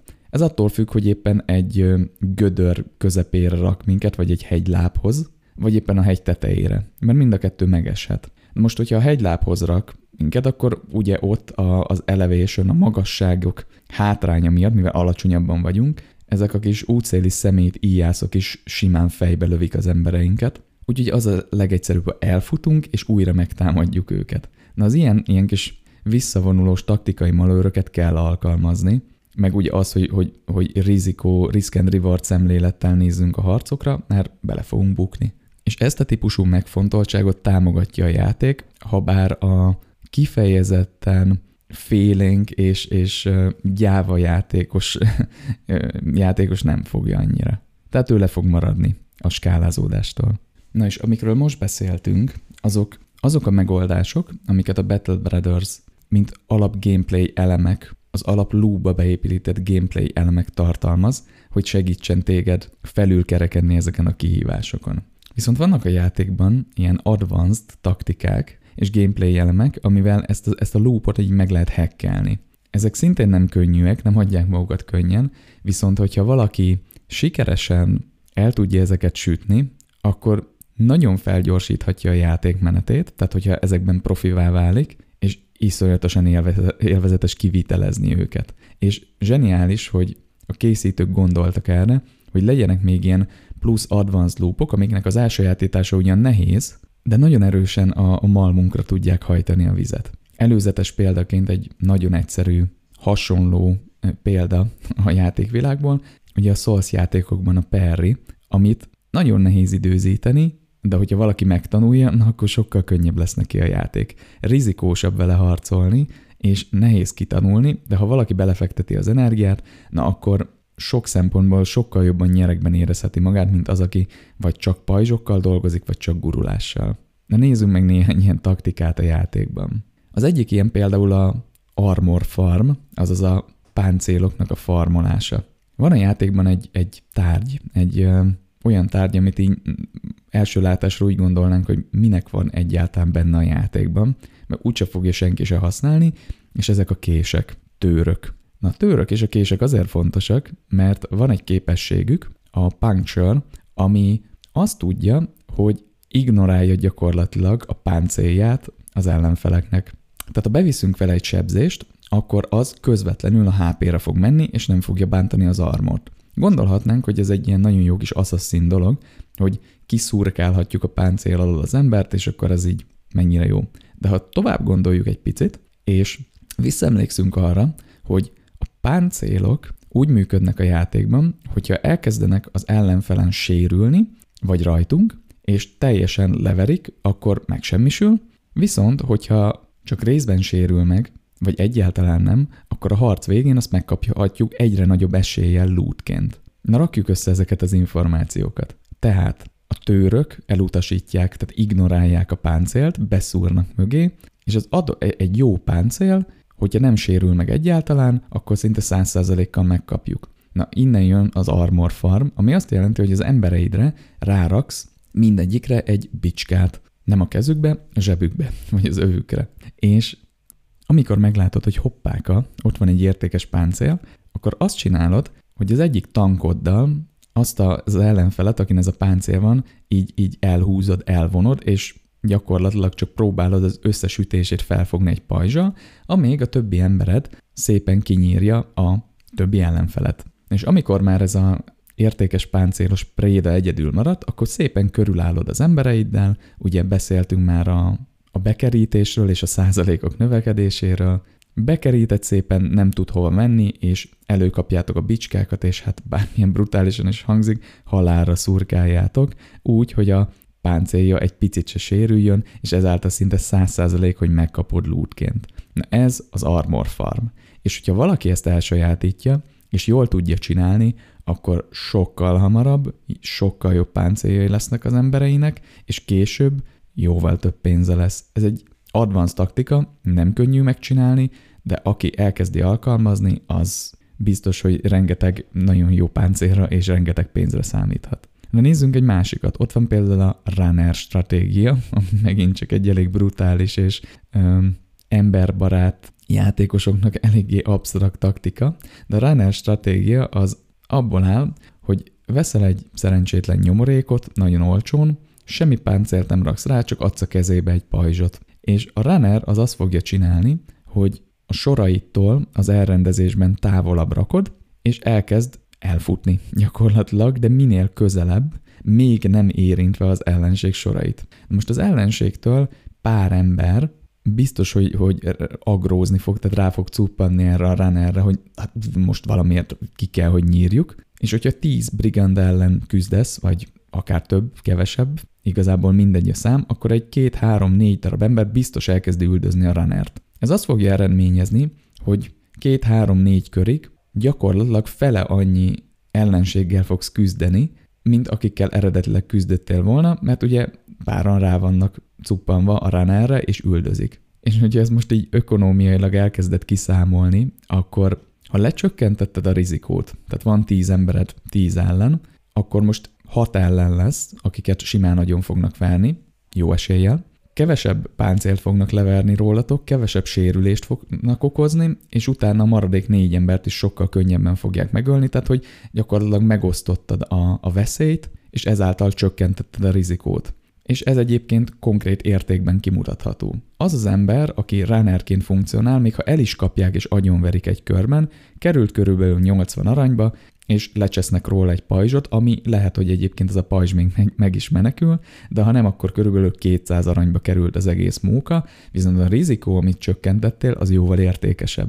Ahogy mondtam, absztrakt, nagyon furcsa így gondolkozni egy ember életben, de ez a runner taktika, és baromi jól működik. Főleg akkor, amikor majd a keményebb úton állókkal, a réderekkel fogsz küzdeni, ahol kritikus, hogy, tehát tényleg kritikus, hogy meg tud osztani a támadókat, és hogy el, tud, el tud szeparálni majd, hogy nem a felét. Na most ez nem mindig működik, mert van, hogy úgy dob a játék a mapra, hogy a runnerre senki se figyel, de érdemes ott tartani, mert egyébként a runner, hogyha nem is tud elfutni és elvonni embereket, akkor egy ilyen cannon foddernek, egy, egy ilyen meat shieldnek még használható.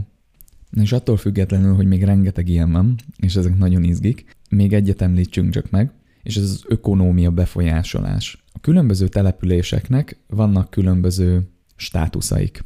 E, e, nem úgy státuszaik, hogy inkább állapotaik fogalmazzunk így. És ezek hatással vannak arra, hogy milyen irányba mozdulnak az áraik a piacaikon. Na most e, itt a legegyszerűbb eset az, hogy, hogy rohadt drágán adnak dolgokat, és olcsón vesznek, nyilván ez nem túl jó, vagy éppen olcsón adnak, és drágán vesznek. De lehet ezeknek egyébként a, a további iterációi, hogy ugyan drágán adnak, de drágán is vesznek, vagy ugye olcsón adnak, olcsón vesznek. Nyilván ami, ami a mi célunk az, hogy olcsón vásároljunk és drágán adjunk. Na és ezt a rendszert lehet befolyásolni, hogy oda figyelünk, ugyanis vannak ilyen, ilyen telegráfolt hatások, amiket mi szemmel tarthatunk a későbbi profit érdekében.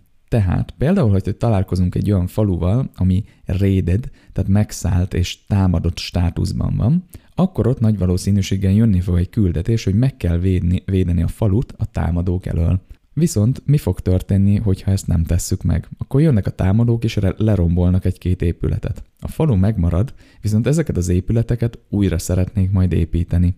Itt két dolog is fog történni. Az újraépítés előtt a lerombolt helyekről ki kell takarítani a rédereket, amik nagyon egyszerű és egész profitábilis küldetéstípusok, tehát ezt érdemes megvárni, valamint, hogyha tudjuk, hogy nem messze van egy fűrésztelep, és ahol rengeteg fát tudunk venni, akkor viszonylag olcsón bevásárolunk fából, amit viszont mocskosul drágán fognak megvenni az építkezések megnövekedett igényei miatt. És ebből még rengeteg van. Tehát azt például ki lehet használni, hogy valakinek a valamelyik városnak a, a kereskedelmi útvonalé vannak rédelve. Természetesen megint csak az, az árak fekvése miatt, mert a kereskedés akadozása hiányokat szül, és mi azokat a hiányokat ki tudjuk elégíteni. Vagy például ott van, hogy egy városban van drága kőgyűjtő, ami nem egy olcsó szakma, de nekünk az a lényeg, hogy ott drága köveket sokkal drágábban lehet eladni. És még sorolhatnám. Rengetegféle hatás van, és ezek gyönyörűen összefüggnek. És ha ez, erre tekintettel vagyunk, akár ha egy listát lerakunk így, vagy készítünk, kézzel írunk egy listát, hogy ebben a városban ez van, ez várható, stb., már akkor, hogyha a, a térképen való mozgásunkat és adásvételeinket ez alapján szervezzük, akkor itt gyakorlatilag a semmiből csinálhatunk ezer aranyokat, és a semmiből azt, azt úgy így kell érteni. Tehát, hogy megveszel, nem tudom, 6 darab fát, ilyen 150 arany per darab, és eladod utána 300 arany per darabon, tehát gyakorlatilag 100%-os profittal. És ha odafigyelsz, ezeket így, így folyamatosan tudod csinálni, és ezzel rengeteg pénzed lesz. És ez nem csak figyelem, hanem ugye befolyásolás, tehát dönthetsz arról, hogy mik azok a hatások, amiket feloldasz, és mi az, amiket nem, és később visszatérsz ugye bezsebelni annak hatását. Mint például a rédek hatása, amiről az előbb beszéltünk. Szóval láthattátok, hogy nehéz a játék, nehezen adja magát a sikerélmény, viszont iszonyatosan jól ki van találva az, hogy ezekre a kihívásokra hogy tudsz reagálni a játékban. Igaz, a tanulási görbe eléggé meredek, ugyanakkor vannak ilyen kis hackek, amivel meg tudod borítani a rendszert, Igaz, ezeket nem olyan könnyű használni. De ha valaki elsajátítja ezeket, akkor kicsi túlzással a, a Battle Brothers világa a lábai előtt hever. Na és itt már bele kaptunk a dizájnba, de hivatalosan is akkor térjünk át a design blokkra, és itt lesznek azok a következtetések, amiket később majd validálni fogunk, vagy éppen elismerjük, mint hibás következtetés az alapján, hogy mit mondtak a fejlesztők és ezek mellett még rengeteg nagyon érdekes infót megtudunk a fejlesztőktől, úgyhogy a, a, a riportot, vagy a riportot, a, a kérdés-választ azt a, azt a végére tartogattam. Na és a design block első pontjaként beszéljünk a kihívás alapú tervezésről, kihívás alapú dizájnról. Ehhez térjünk vissza a játékok definíciójához, mégpedig a nagyszerű Jesse Shellnek a definíciójához, ami nem más, mint hogy játékos attitűddel közelített probléma megoldás, és itt a probléma megoldás lesz a fontos. Először tervez meg a kihívásokat, és utána adj képességeket a játékosnak ahhoz, hogy ezeket feloldja. Nyilván lehet fordítva is csinálni, viszont hogyha a játék egy probléma megoldás, akkor először a problémákat hozzuk létre, és utána arra adjunk megoldást. Az az én feltételezésem, hogy a Battle Brothers az nagyon ezzel a szemlélettel lett megtervezve. Ha megnézitek a különböző ellenfeleket a játékban, legyen szó orkokról, amiknek alig van páncéljuk, de jó, már amelyiknek, de rohadt sok az életük, és nagyot ütnek. Ha goblinokat, akik távolról harcolnak, kis igazi rohadékok, viszont nagyon beszariak, tehát hogyha megtörik a moráljuk, akkor nem fognak hősködni, akkor a különböző speciális encountereket vagy bosszokat, ezek mind-mind olyanok, amik úgy lettek felépítve, hogy a képességek szinte tökéletes szinergiában vannak azzal, vagyis nem is szinergiában, kapcsolatban vannak azzal, hogy a játékosnak milyen képességei vannak. Ezek most részletesen nem megyünk bele, de minden egyes ellenfél esetében, encounter esetében van egy olyan taktika, ami a játékos képességeből, mint szinergia kiemelkedik. És hogyha ezt a taktikát, ezt a szinergiát felfedezzük, akkor ezeket az encountereket, challenge-eket, vagy kihívásokat sokkal könnyebben tudjuk legyőzni, mint hogyha csak az alap képességkészletünket használnánk, ami ugye a, az embereink támadási képessége. Tehát először létrehozták a szörnyeket, hogy mit tudnak, és utána ehhez adtak a játékosnak képességeket. Viszont ezeket a képességeket nem úgy adták, hogy ezt használd erre, hanem megfogták a képességeket és szétszálaszták őket, tehát úgy, hogy különböző képességek együtt alkalmazva működnek az adott kihívásban. És ugye ez adja a szinergiákat. Mondván nem ez működik, hanem ezek együtt működnek. És ez egy puzzle játékban gyakorlatilag, hogy felfedezd azt, hogy az adott kihívásra milyen képességek szinergiájával tudsz reagálni.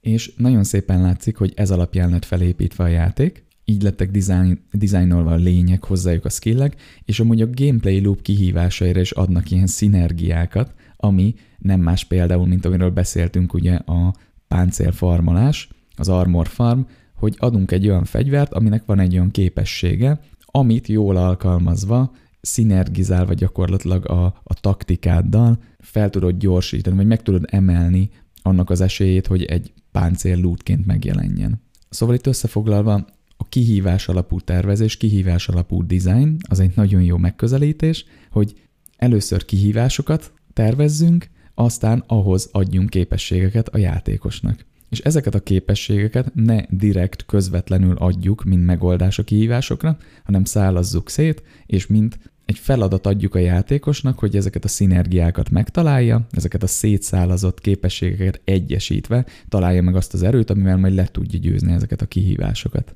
Na és a következő pont az szorosan kapcsolódik ehhez, a kihívás alapú tervezéshez, és ez nem más, mint a stabil keretrendszer létrehozása, amire lehet építkezni.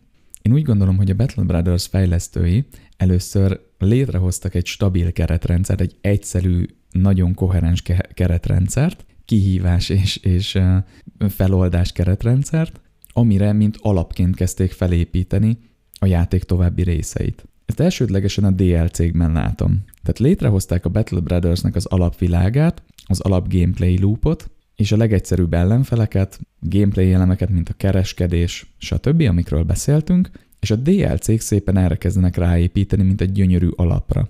Az egyik első DLC volt a Beast and Exploration, ami behozott különböző további szörnyeket, amik csak mint mint alapra ráültek a játéknak a harcrendszerére, és további kihívásokat hoztak, valamint a térképre, a már létező térképre rá lettek rakva különböző ilyen speciális encounter helyszínek, amik megint csak ilyen kis puzzle hogy szín- szinergiakeresések, hogy hogyan tudod az ottani problémákat feloldani.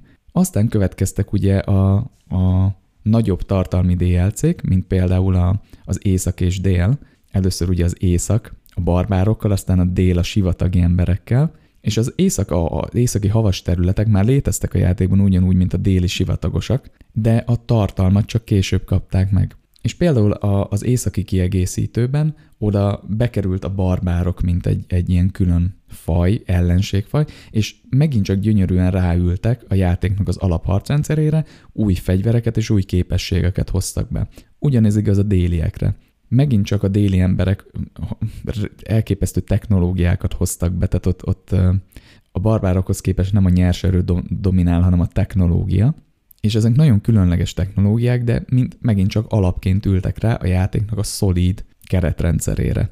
De hogy mondjuk itt egy praktikus példát, a déli kiegészítővel bekerült a tábor menedzsmentnek a rendszere, ami annyit tesz, hogy a zsoldos kis seregednek a, a táborába tudsz felvenni speciális egységeket. Ezek a speciális egységek valamilyen szempontból tudnak téged támogatni a gameplay loopban. Például fel tudsz venni egy scoutot, ami egy kisfiú, aki folyamatosan hátul maradva, de a csaták után szépen összeszedi neked, mint egy kis scavenger a kis plusz lootokat, ilyenek, hogy például összeszedi, összeszed nyilvesszőket, túlokat, stb. kis számban, amik egyébként hozzáadnak neked a nagy egészhez. Ez egy nagyon praktikus, kiegészítő egység a te táborodban. De például ott van a Drill Sergeant, aminek előfeltétele, hogy legyen egy embered, akit agyonvertek egy csatában, de túlélte. Mert ilyen is van, hogy leverik az emberedet, jóformán meghal, de amúgy a csata után hát túléli, össze tudjátok rakni. Utána nem lesz túl effektív, mert mondjuk nem lesz egy, meg az egyik keze, vagy félszemű lesz, vagy ilyesmik, ilyen elég brutális dolgok, de Drill Sergeantnek, mint tapasztalt katonának fel tudod venni, és ő gyorsítja azt, hogy hány, mennyi XP-t kapnak a, a katonáid, nyilván elmagyarázva azt, hogy hogyan kéne harcolni, vagy éppen a tanulságok leszűrésében. Na és ez a déli kiegészítővel kerül be, és még sok más ilyen egység, amik nem csinálnak más, csak ráülnek a játék alaprendszerével, és támogatnak téged ugye a játékmenetben. Az, hogy egy picit több lootot kapsz, vagy több, kicsivel több XP-t kapnak az embereid, vagy például a negotiator által, a tárgyaló embered által jobb árakat tudsz, jobb, jobb rewardokat tudsz kivenni a küldetésekből. És ezek mind-mind ahhoz segítenek, amiről beszéltünk, hogy fix számossággal, tehát azt hiszem négy-öt embernél több nem lehet a, a táborodban, tehát fix számossággal tudod befolyásolni a játékot. És visszatérve az, hogy egy stabil keretrendszerre építettek, ez színezi a játékot, kiemelkedő stratégiákat tud neked nyújtani, kiemelkedő kombinációkat, nem csak komplexebbé, de mélyebbé is teszi a játékot, ugye erről már rengeteget beszéltünk, hogy mi a különbség, de ezek kiemelkednek az alap játékmenetből.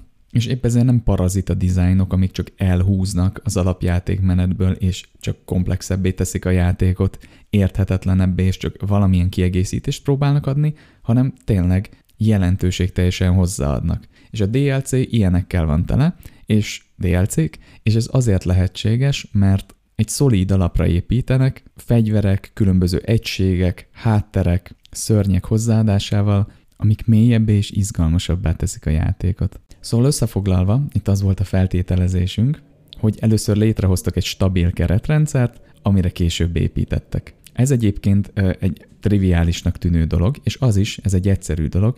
Először talált ki, hogy mi lesz a játékodnak az alapja, az alapléjerei, azokat prototipizáld, teszteld, és, és hozd létre azt a fán alapot, amire minden rá fog ülni, és utána kezdj el építkezni, utána tedd el komplexebbé tenni a játékot, és természetesen ez is prototipizálás, tesztelés és iteráció, az, hogyha építünk egy rendszert, akkor az tényleg komplexebbé teszi csak a játékot, vagy mélyebbé is. És erre épülnek például az Origin Challenge-ek. Nagyon szépen észrevették azt, hogy egy jó alap rendszerrel rendelkező játékban általában a playerek elkezdenek challenge tolni. Ez azt jelenti, hogy elkezdenek saját szabályokat kitalálni a játékhoz, amivel tovább nehezítik a játékot, izgalmasabbá téve azt. Erre remek példa a DR Billions, amiről már itt a Solo Cube-ban beszéltünk. Ott is egy remek alap van, egy zseniális alap. Viszont ott nem adtak hozzá challenge a játékhoz, és ezért a professzionális játékosok elkezdtek saját challenge kitalálni maguknak. Ilyen például ugye, hogy a játékot le lehet pauzálni, végig tudom-e úgy játszani, hogy egyszer sem állítom meg a játékot. Ami egyébként a pauz az egy kor része a játéknak, szinte fogalmazunk, hogy játszhatatlanul nehéz nélküle.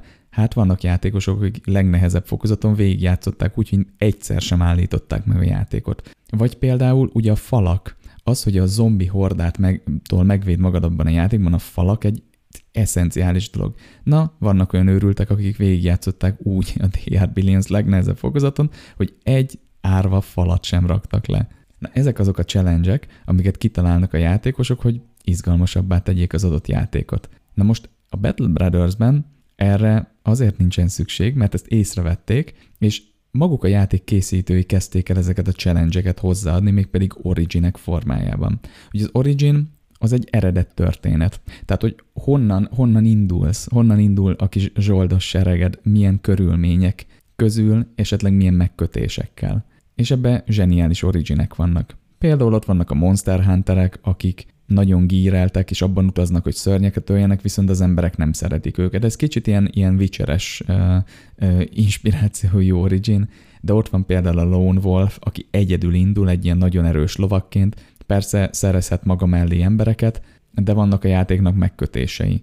És például ott vannak a gladiátorok, három e- nagyon erős, nagyon jól felszerelt gladiátorral kezdesz, mint zsoldos, viszont ezeknek a szent embereknek durva igényeik vannak, mint például, hogy folyamatosan legyen az invitoritba bor, mert egyébként megharagszanak, rengeteg pénzt igényelnek, szóval előnyök és hátrányok, de mindenképpen ö, kisebb vagy nagyobb megkötéseket adnak a játékhoz, amik izgalmasabbá teszik azt. A legutóbbi DLC-be jött be például a hú, nem is tudom mi a, mi a fordításuk, de próbálom körülírni, az ilyen, hát ilyen középkori orvos társulat, akiknek az a mániájuk, hogy mindenféle lényel, amiből, amivel találkoznak, valami főzeteket készítsenek. Na és ezek a főzetek ilyen röhelyesen durva hatásúak. Tehát különböző főzeteket lehet készíteni ezzel az originnel a játékosnak, amik vagy kinyírják az embereidet, vagy erősítik őket, és lehet velük kísérletezni, kombinálni őket. És ez is egy zseniális alapra való építés, hozzáadtak egy feature-t, amivel megkeverik rendesen a lapokat.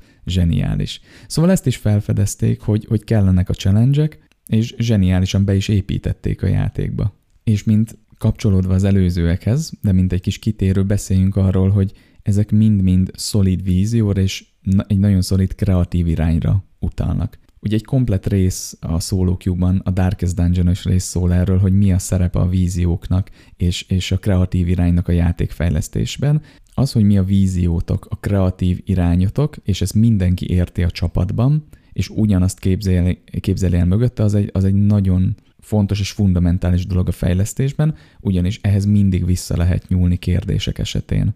Rengeteg bizonytalanság és kérdés van a játékfejlesztésben, a termékfejlesztési folyamatban, és egy kreatív irány, egy szolid kreatív irány, egy vízió, az nagyon jó iránymutatást tud adni, amikor ezek, ezek a bizonytalanságok megjelennek. És ezt a Darkest dungeon részben úgy, úgy írtuk le, hogy ugye vannak, van egy fának a gyökerei, ezek az inspirációk, ötletek, hatások, minden, amit az életünkből így összeszedtünk, és természetesen ez a gyökerek mindannyiunkat reprezentálják, akik a projekten dolgoznak, ez ugye össze kell, hogy álljon egy törzsé, ami a kreatív irányunk, a vízünk, és ez egy, egy szolid törzsnek kell lenni, ami megtartja a fát, és ez alatt mindenkinek ugyanazt kell értenie, tehát ezért jó a vision statement, amiben kimondjuk, hogy konkrétan mi a víziónk, és ezt érlelni kell, tehát hogy átbeszélni, hogy tényleg mindenki ugyanazt értse alatta, és az ágak azok a különböző disziplinák, amik ebből kinőnek, tehát a, a grafikai design, a játék design, a programozás, a zene, minden ebből a vízióból fog kinőni, és természetesen a,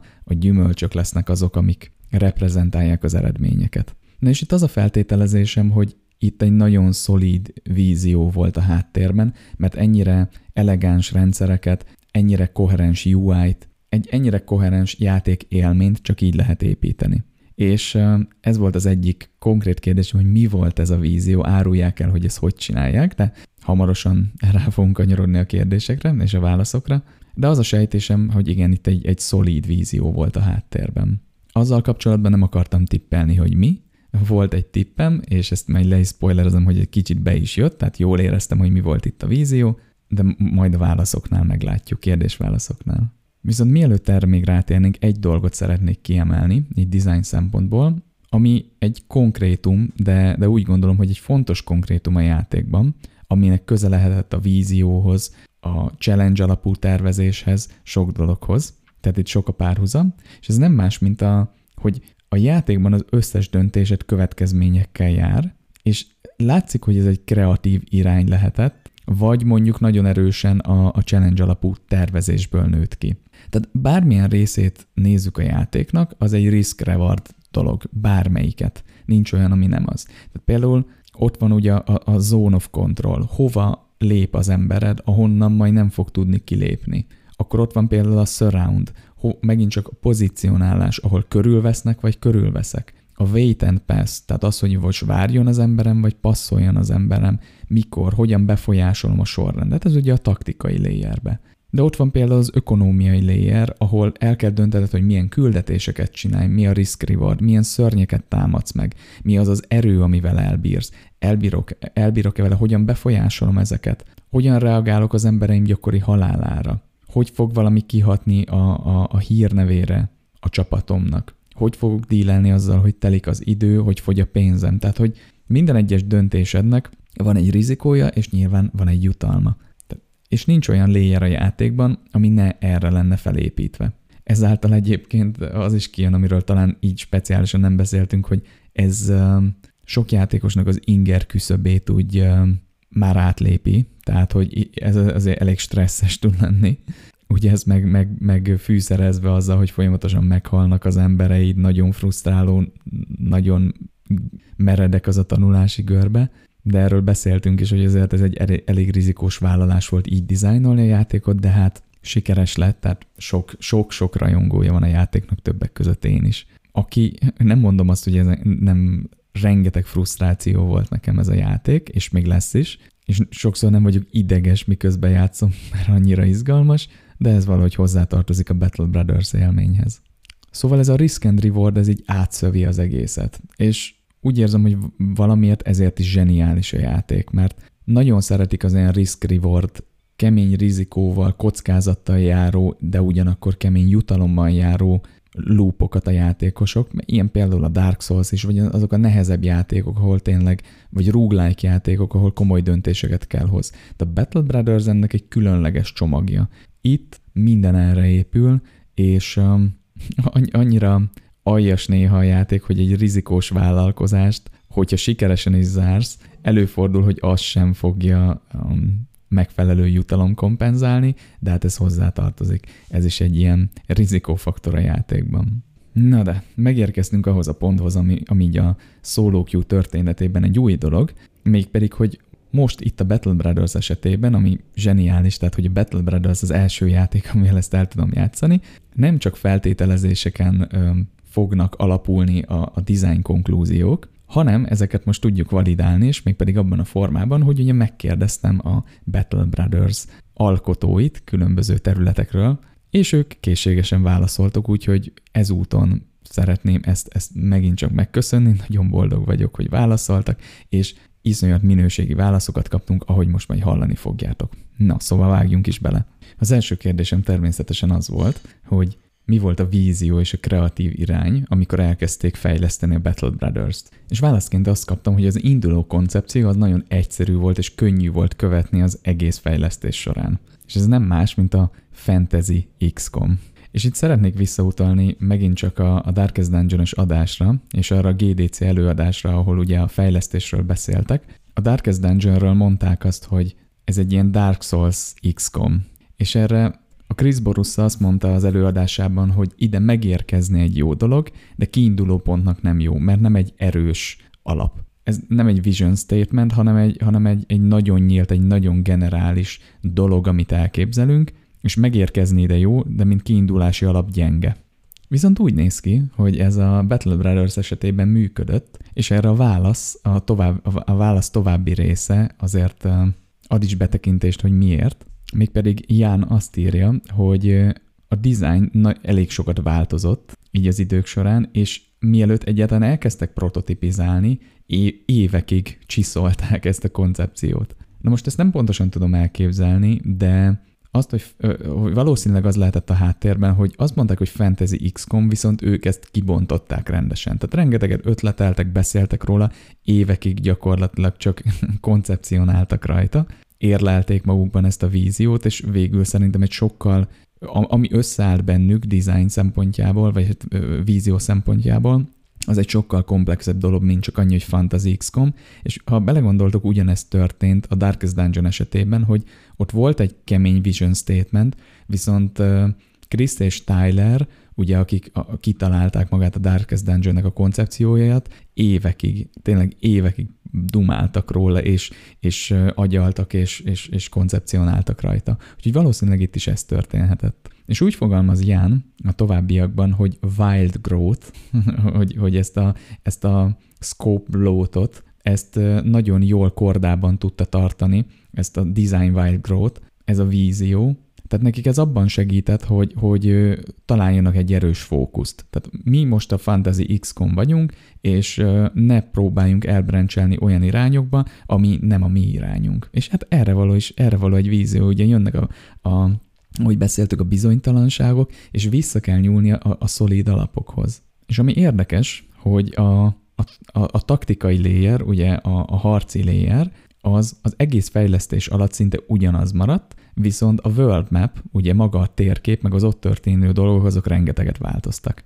És ilyen úgy fogalmaz, hogy, hogy úgy látták, hogy a harc, a, maga a harc lesz a core konceptje a játéknak, tehát az lesz mindennek az alapja, és ezt természetesen ö, nagyon jól látták, és ez, ez egy logikus, mondhatni triviális dolog, hogy egy taktikai RPG-ben, egy körökre osztott RPG, taktikai RPG-ben a harcot azért azt, azt ki kell dolgozni, és utána lehet csak ráépíteni a dolgokat, de ez így is történt náluk, hogy a harcot nagyon durván kidolgozták, kiprototipizálták, és utána a, az ökonómiai léjert, vagy hát a, külső stratégiai léjert már hozzáépítették. És ezt is szó szerint szeretném felolvasni, egy zseniális tanács. Keeping focus on the core of the game helps a lot with making sure a game works and is fun to play ez annyira egy gyönyörű összefoglalás, hogy hogyha a core game-et, a, a játéknak a központi részét tartjuk fókuszban, akkor ez rengeteget segít abban, hogy a játék végül működjön, és, és fán legyen játszani.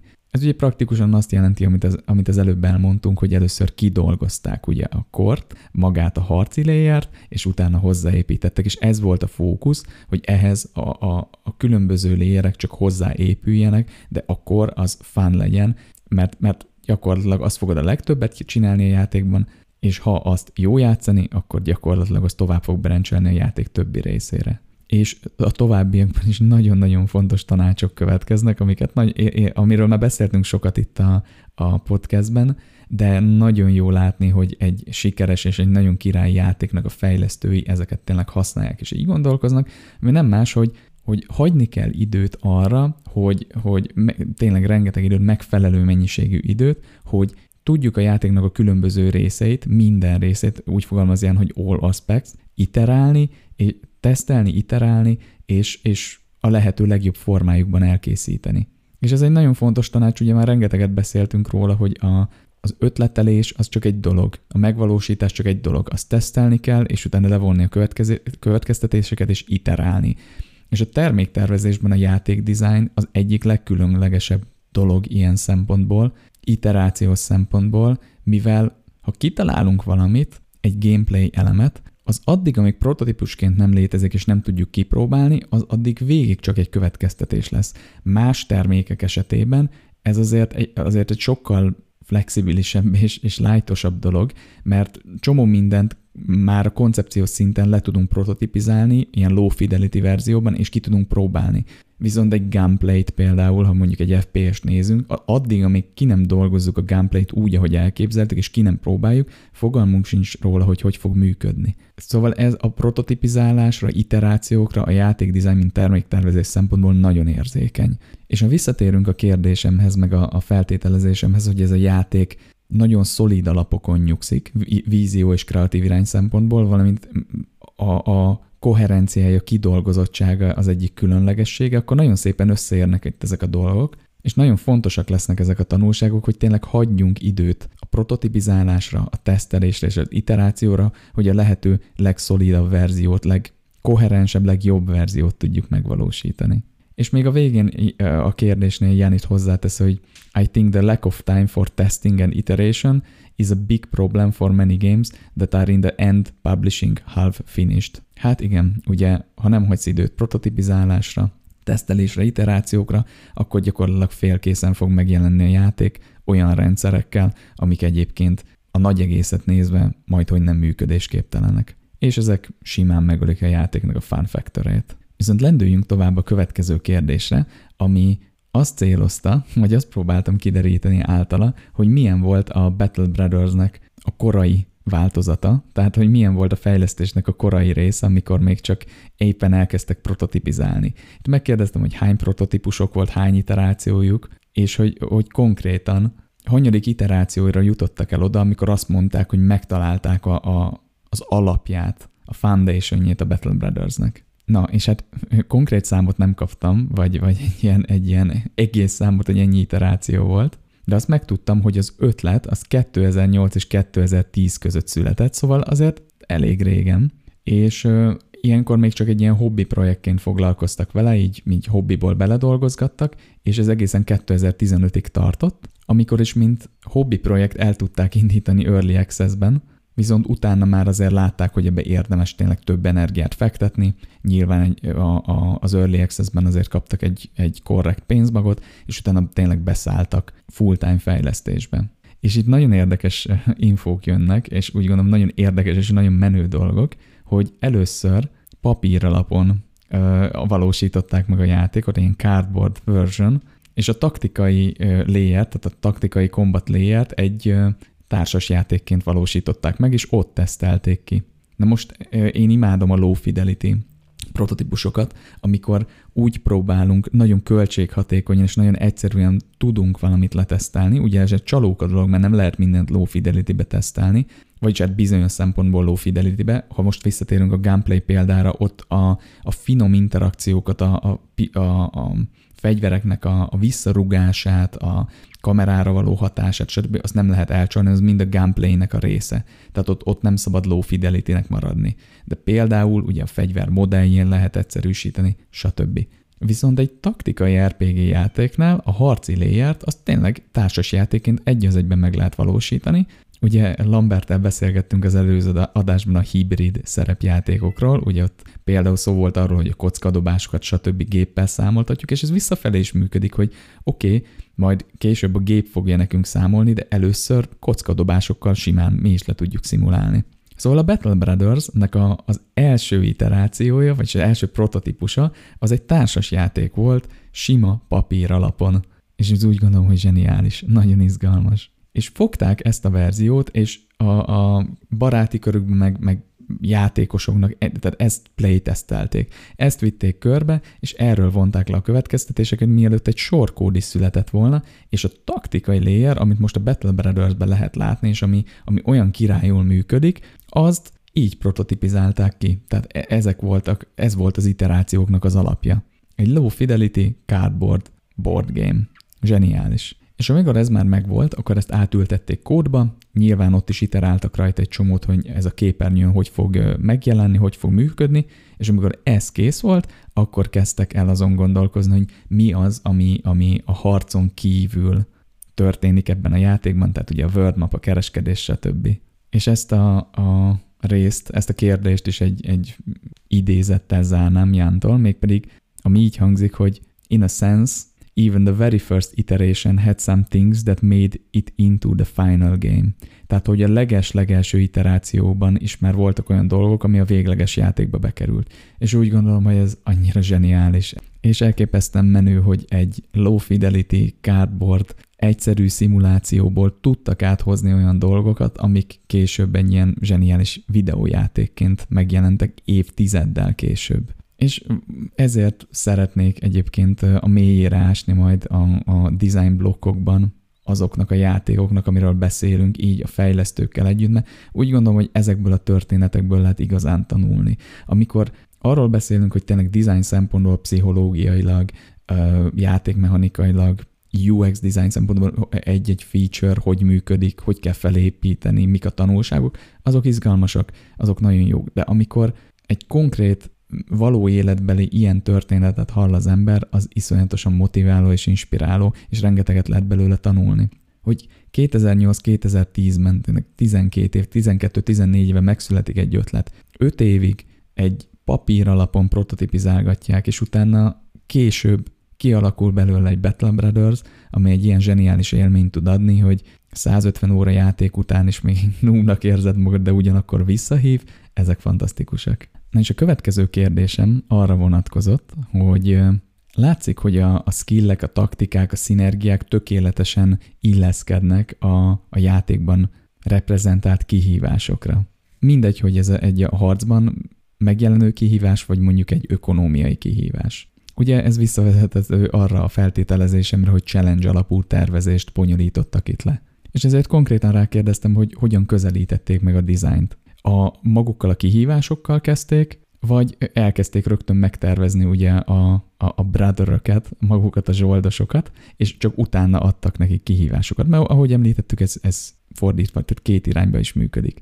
És hát ugye mielőtt belemennék a válaszba, erre már megkaptuk a, már az előző kérdésben a választ, hogy nem úgy történt, ahogy én elképzeltem, hogy a challenge alapú tervezésbe dolgoztak, hanem a combat layernek a képességeit már kitalálták jó előre egy ilyen low fidelity verzióban, és utána kezdtek el egy ilyen hibrid challenge és másik irányú tervezésbe belemenni. De hogy hogy, az, hogy pontosan hogy, ez ebből a válaszból kiderül, és úgy gondolom, hogy ez a világon az egyik legmenőbb dolog, úgyhogy nézzük meg ezt a választ. Amikor én ezt elolvastam, akkor, akkor úgy voltam vele, hogy te jó Isten. Na, we approached the game more from a simulation standpoint. Itt nem igazán értettem még, hogy mit, mit akarnak ezzel, hogy, hogy konkrétan szimulációs szempontból ö, kezdték el a dizájnt. És ö, itt most fel fogom olvasni konkrétan a választ, mert így igazán érdekes. Our game was always intended to be an abstraction of reality.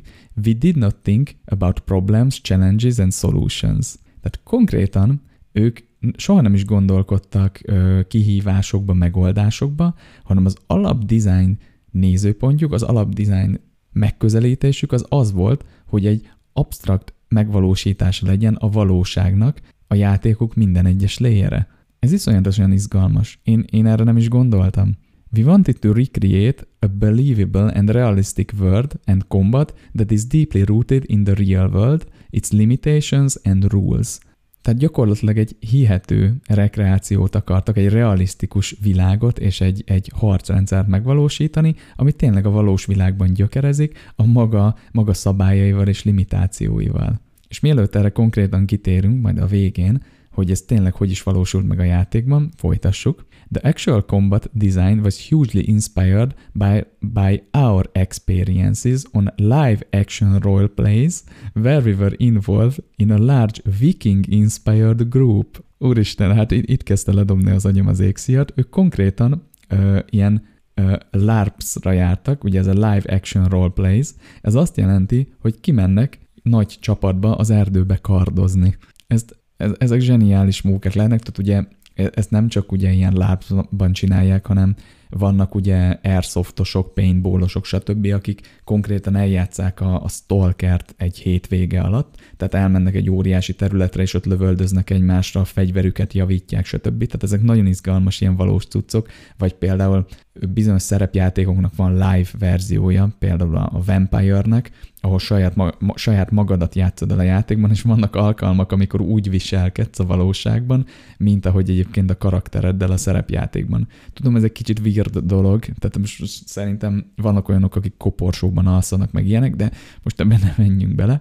Itt most a, a LARPS-ról van szó, és térjünk vissza a Battle Brothers-hez. De az a lényeg, hogy ugye jártak ilyen harcokra, egy ilyen nagy viking csapatban, ö, csapatba verődve, és ők ezekben a live action roleplayekbe harcoltak ugye másokkal. Nyilván itt nem az a cél, hogy átdöfd a másikat tényleg egy karddal, hanem ilyen vannak szabályai. És ők ebből inspirálódtak. Tehát, hogy a szimulációs szemlélet onnan jött, hogy ebből így próbáltak tényleg inspirációt és megoldásokat meríteni, hogy ez ennek a, a közelharcnak mik a szabályai, és mik a limitációi. The actual combat on the LARPs gave us very direct insight into how actual medieval combat would have looked like. Tehát ezekben a LARPsokban nagyon jó insightokat kaptak arról, direkt, közvetlen tudást, hogy, hogy a középkori harcok amúgy hogyan nézhettek ki, és tényleg funkcionálisan hogyan, hogyan működtek. Not so much as to weapon techniques, after all weapons in labs are extremely lightweight and stabbing is not allowed, but in regard to small group tactics, armor, fatigue and morale. És itt már konkrétan Jen is rákanyarodik arra, hogy a játékban az hogy jelent meg. Tehát nem arról van szó, hogy hogyan kell egy buzogányt használni, vagy hogyan kell egy láncsát, mert a lárpszokban ezek ugye direkt ilyen, ilyen könnyű, ilyen műanyag fegyverek, vagy akár szivacs, hogy ne, ne tegyél kárt a másikban, és még döfni sem lehet. Tehát, hogyha van egy ilyen könnyű műanyag fegyver, azt azért az ki lehet csapni a másiknak a szemét, úgyhogy ilyet nem szabad. De, de kis csoportos taktikában páncélviseletben, mert a páncélok valódiak, az, hogy, hogy milyen érzés egy óriási páncélt viselni, vagy éppen egy tényleg egy nehéz páncélt. Fetig, ugye, ugye állóképesség és morál. Na most ebből nekem a legabsztraktabb ugye a morál, hát ugye, hogyha a műanyag fegyverekkel harcolsz, még hogyha benne is vagy a hevében, lehet, hogy én látom rosszul, de nem tudom, mennyire tudod beleélni magad, és mennyire kezdesz el tényleg pánikszerűen menekülni, hogyha ha arról van szó, de valamilyen insightot biztos ad de a többi az abszolút hihető. Tényleg, milyen az állóképességet, hogyha rajtad van, nem tudom, 20 kiló páncélzat? Milyen taktikát alkalmazol kis csoportokban? És nagyon is el tudom hinni, hogy ez zseniális inspirációt és tudást adott ahhoz, hogy meg tudják valósítani ugye a Battle Brothers-ben ezeket a taktikai elemeket. És zárásképpen azt írta, hogy we had fights from 1v1 up to engagements with 500 people and more on each side. Na most ezt el tudjátok képzelni, hogy oké, okay, egy v 1 be tehát valakivel így egy ilyen műanyag fegyverekkel harcolsz, de volt olyan összecsapás, ahol 500 vagy több ember mindkét oldalon, és egymásnak mennek csatába. Én rohadtul kipróbálnék egy ilyet. Nem tudom, hogy van-e ilyen Magyarországon, biztos van, de ha más nem kimegyek hozzájuk, aztán beszállok egy ilyen buliba, óriási. Viszont visszatérve a Battle Brothershoz, ez engem teljesen váratlanul ért. Tehát én azt hittem, hogy úgy tervezték, hogy jó lesznek a goblinok, lesznek a nem tudom, az ifritek, stb. stb.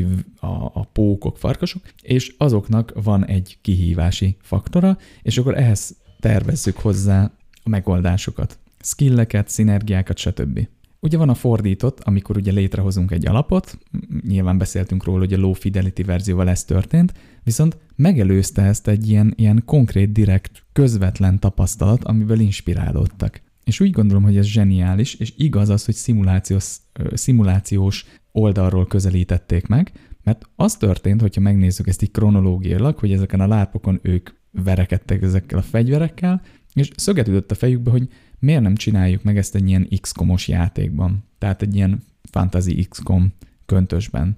És megcsinálták az alapot egy ugye ilyen low fidelity cardboard verzióban, kitesztelték, és ezekből a lárpokból inspirálódtak, hogy mik ennek a limitáció és a lehetőségei. Ugye innen jött az, hogy ha elkezdesz harcolni valakivel, és akkor úgy gondolsz, hogy inkább harcolok valaki mással, az valószínűleg hátba fog vágni a fegyverével, és akkor ott te meghaltál. Tehát ugye ebből a zone of control már kijött. De például az, hogy ha valaki egy magaslaton áll, akkor, akkor ö, jobban tud célozni, ugye lefelé, stb. Tehát, hogy ez, ezek akár triviális dolgoknak is mondhatjuk, amik, amiket a középkori harcról így ugye a várak struktúrájából, stb. ki tudunk következtetni. Vagy az, hogyha beállsz valaki mögé, így taktikailag egy lándzsával mondjuk át tudsz döfni, mondjuk írt olyan, hogy a, hogy a, döf, a, a stabbing az, az itt nem volt engedélyezett, de azért azt ki lehet találni, hogy egy hosszabb fegyverrel át lehet szúrni a soron, vagy ugye amiről beszéltünk, hogy az állóképességedre elég masszív hatással van az, hogy milyen nehézségű páncélt viselsz. Nem hiszem, hogy egymásról leverték a páncélokat itt, és akkor az onnan jött, de az, ez egy egyértelmű dolog lehet, az már egy másik téma. Szóval ez kronológiailag úgy történt, hogy itt inspirálódtak, megcsinálták a low fidelity verziót, és a, a szimulációs szabályokat átvették tapasztalatból, és egyébként ugye említettük a víziónál is, hogy a, a gyökérben ott vannak a tapasztalatok, amik tovább mennek a, a, a kreatív irányba, és ez gyönyörűen látszik itt is, hogy itt van az inspiráció. Valakinek kipattant a fejébe, hogy figyelj, miért nem csináljuk meg játékban ezt a lárpszot, gyakorlatilag nem a lárpszot, hanem ugye a medieval combatot, a lehető leg szimuláltabb verzióban nem dinamikusan, hanem körökre osztva próbáljuk meg funkcionális matematikai szabályokká egyszerűsíteni a valós életnek valós középkori harcnak a szabályait és a limitációit. És úgy gondolom, hogy zseniálisan sikerült, és így már sokkal több dolog egyértelmű nekem is a dizájnban, hogy innen jött az inspiráció. És megint csak úgy gondolom, hogy ez iszonyatosan menő, és nagyon na, fantasztikus. És megint csak ismételni szeretném magam, hogy ezért kell felvenni a kapcsolatot mostantól kezdve, ha tudom, a fejlesztőkkel, mert ilyen sztorik derülnek ki. És beszélhetünk itt mindenféle következtetésről, meg design praktikákról, de tulajdonképpen ez az igazság. Egy, egy papírból összevágott board game és, és egy élőben egy lárpon szerzett inspiráció, és ide vezet. És ezeket nem tudjuk ö, feltételezésekből összerakni. Úgyhogy megint csak hangsúlyoznom, hogy nagyon boldog vagyok, hogy válaszoltak, és hogy ilyen minőségi válaszanyagot kaptunk. És akkor tovább lendülve a kérdésekkel, de még majd ide visszatérünk egy kicsit a végén az összefoglalással. Szóval tovább lendülve a kérdésekkel, engem nagyon érdekelt, hogy hogyan balanszolnak. Mert azért elég komplex a játék, mély és komplex, és ezt balanszolni azért nem olyan egyszerű. És kérdésembe belefogalmaztam, hogy elég elegáns a balansza, tehát tényleg azért kemény a játék, de, de ki, van, ki van egyensúlyozva, és hogy ezt hogyan érték el? Belefogalmaztam a kérdésbe ugye már a, a feltételezést, hogy a, az egyensúlyra a legalapabb verziótól felfelé, tehát már az alapoktól kezdve törekedtek, és próbálták úgymond evolválni, fejleszteni a játékkal együtt, amikor a különböző rendszereket ugye belepakolják, azzal a klasszikus módszerrel, hogy csak bedobálnak számokat, és akkor utána kezdik el majd balanszolgatni, tehát praktikusan egy ilyen on-the-fly technikával, vagy már az elejétől kezdve statisztikai táblázatok tömkelegét használták, hogy pontosan tudják, hogy, hogy mi lesz, és hogy hol mit kell balanszolni. Mind a kettő egy jó megoldás, az egyik egy kicsit rizikósabb, ugye az első, az, azzal bele lehet szaladni kátyukba, a másik megoldás talán túl kötött, valahol, valahol középen van az igazság. Na nézzük, mit válaszoltak. A játékot úgy kezdték, hogy csak egy nagyon egyszerű rendszerük van, és csak néhány darab változó.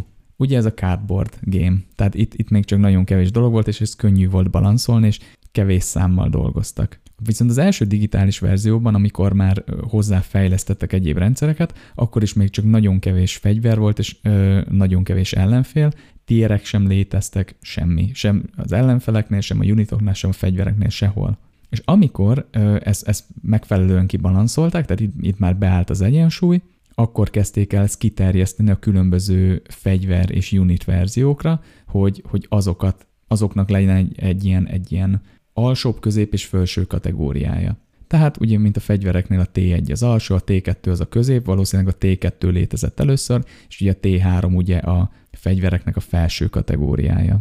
És ez nagyon érdekes, hogy amikor új tárgyakat terveznek, azokat mindig már meglévő és balanszolt tárgyakra alapozzák. Ugye erről is beszéltünk, vagy ez, ez gyönyörűen kapcsolódik ahhoz, hogy ugye adott egy szolíd alap, és arra próbálnak építeni. És ez a balansznál így történt. Itt most gyönyörűen látszik, hogy először csak az egyszerű verziót egyensúlyozták, és utána arra próbáltak ráépíteni. És hát sikeresen is rá, rá tudtak épülni rendesen. Na és ehhez segítségképpen a fegyverek balanszolásához ők azért kitaláltak egy ilyen statisztikai formulát, aminek az volt az a neve, hogy expected damage, tehát minden egyes fegyverre ö, volt egy statisztikai formulájuk, amivel ezt a balanszot, ezt az egyensúlyozási folyamatot tudták segíteni.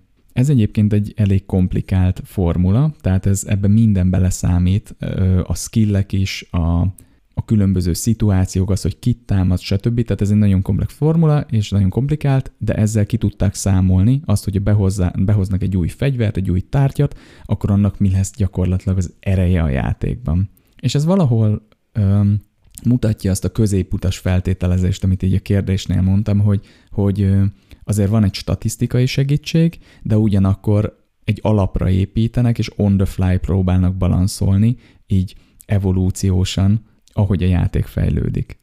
És ilyen arról is beszél ebben a válaszban, hogy, hogy ez a formula nem tökéletes, tehát például a, a fegyvereknek az árát azt nem tartalmazza, így ezt mindig külön kell kitalálni, meg a különböző tárgyaknak az árát, hogy hogy, hogy illeszkedik az ökonómiába, de abban a, a layerben, ugye a harci layerben, ami a játéknak a kórja, ami a legfontosabb, de oda balanszolni egy óriási segítség. És ugye a fogalmazunk úgy másodlagos layerben, bár így a gameplay loop szempontjából egy nagyon fontos layer, az ökonómiai rétegben ott kézzel kell balanszolniuk on the fly.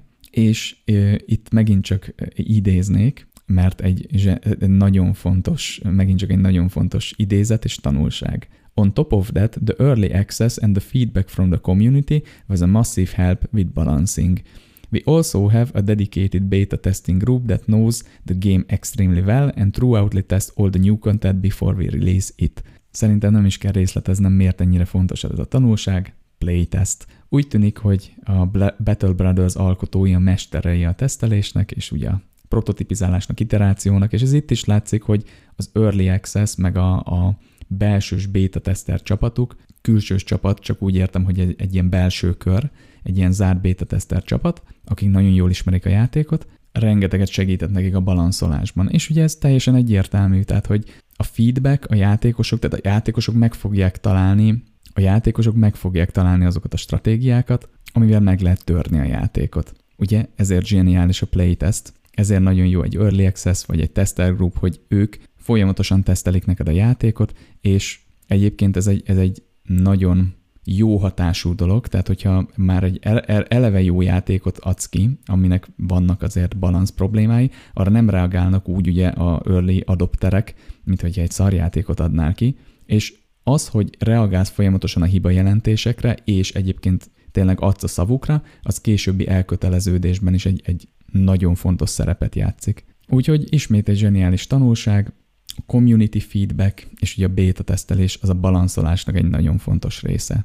És akkor itt van ez a három faktor, amit érdemes megjegyezni, hogy ugye on the fly, tehát ez az on the fly balanszolás, induljunk egy, egy kevés változóval rendelkező rendszerből, és azt szépen építsük fölfelé. A fontos és egyébként jól számítható részekre készítsünk valami statisztikai rendszert, valamiféle formulát, ami segít nekünk értékelni a különböző változásokat, és természetesen amilyen hamar csak tudjuk, vonjuk be a tesztelőket, ugye a, a, a, a play tesztelőket, tehát külső játékosokat, akik egyébként önszorgalomból, de egyébként nyilván fizetetten is, tehát hogy ezért van mindenféle réteg itt, de fel tudják deríteni a játékok, játéknak azon stratégiáit, amivel meg lehet törni a játékmenetet. Na, és ezt a négy kérdést sütöttem el, és nem akartam nagyon pofátlan lenni, tehát ezért csak négy kérdést tettem fel, és hát látjátok, milyen zseniális választ kaptam, meg hát, hogy egyáltalán kaptam választ, úgyhogy ez nagyon örömteli, de foglaljuk össze egy kicsit ezeket a tanulságokat. És most ilyen rendhagyó módon nem a design blokknak a tanulságait, hanem konkrétan vegyük ki a tanulságokat Jánnak a válaszaiból.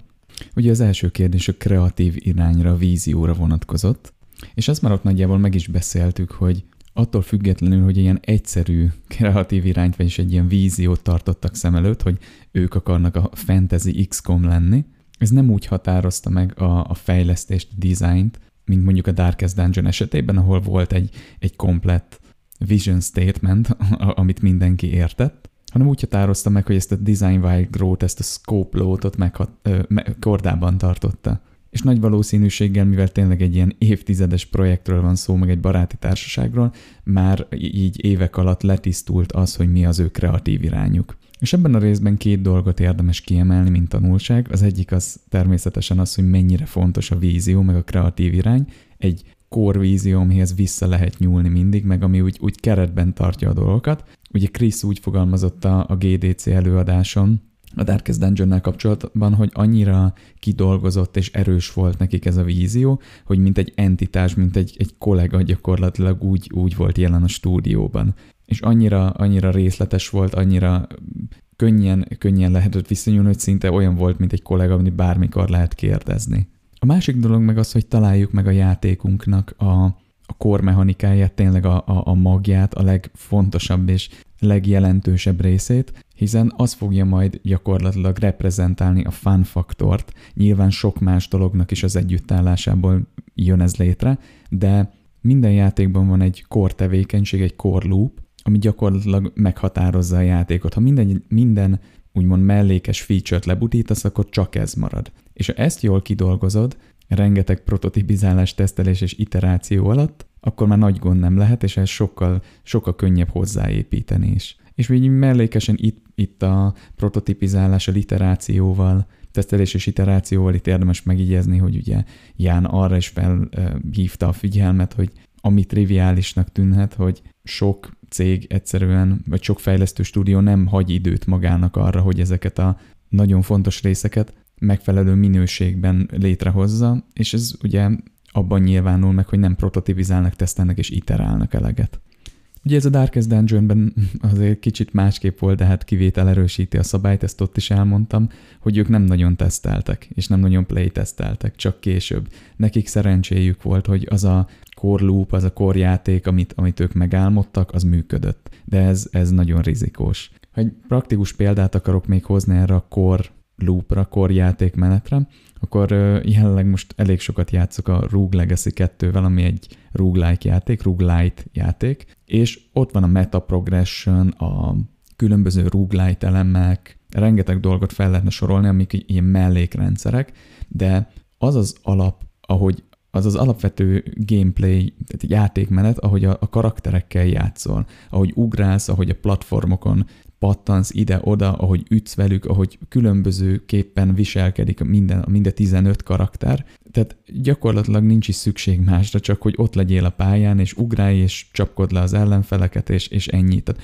annyira jól működik, annyira ki van találva, és annyira mesterien be van állítva a, nem tudom, gravitáció játékban, amilyen messzire löknek vissza az ellenfelek, vagy telököd őket, ahogy sebzel, stb. Tehát ez a core gameplay loop annyira gyönyörűen be van állítva, hogy erre jó, tehát könnyű volt utána építeni, nyilván az, a, az alrendszereket, és ez a, ez a fun faktort mindig hozza, mert ezt fogod a legtöbbet csinálni. És most visszamenve a Battle brothers ott is ugyanez van, a harc jól ki van dolgozva, élvezetes, jó játszani vele, és hát ugye ami köré épül, az nem feltétlenül csak egy körítés, nagyon fontos alrendszerek, de a kor mindenképpen nagyon jól ki van dolgozva.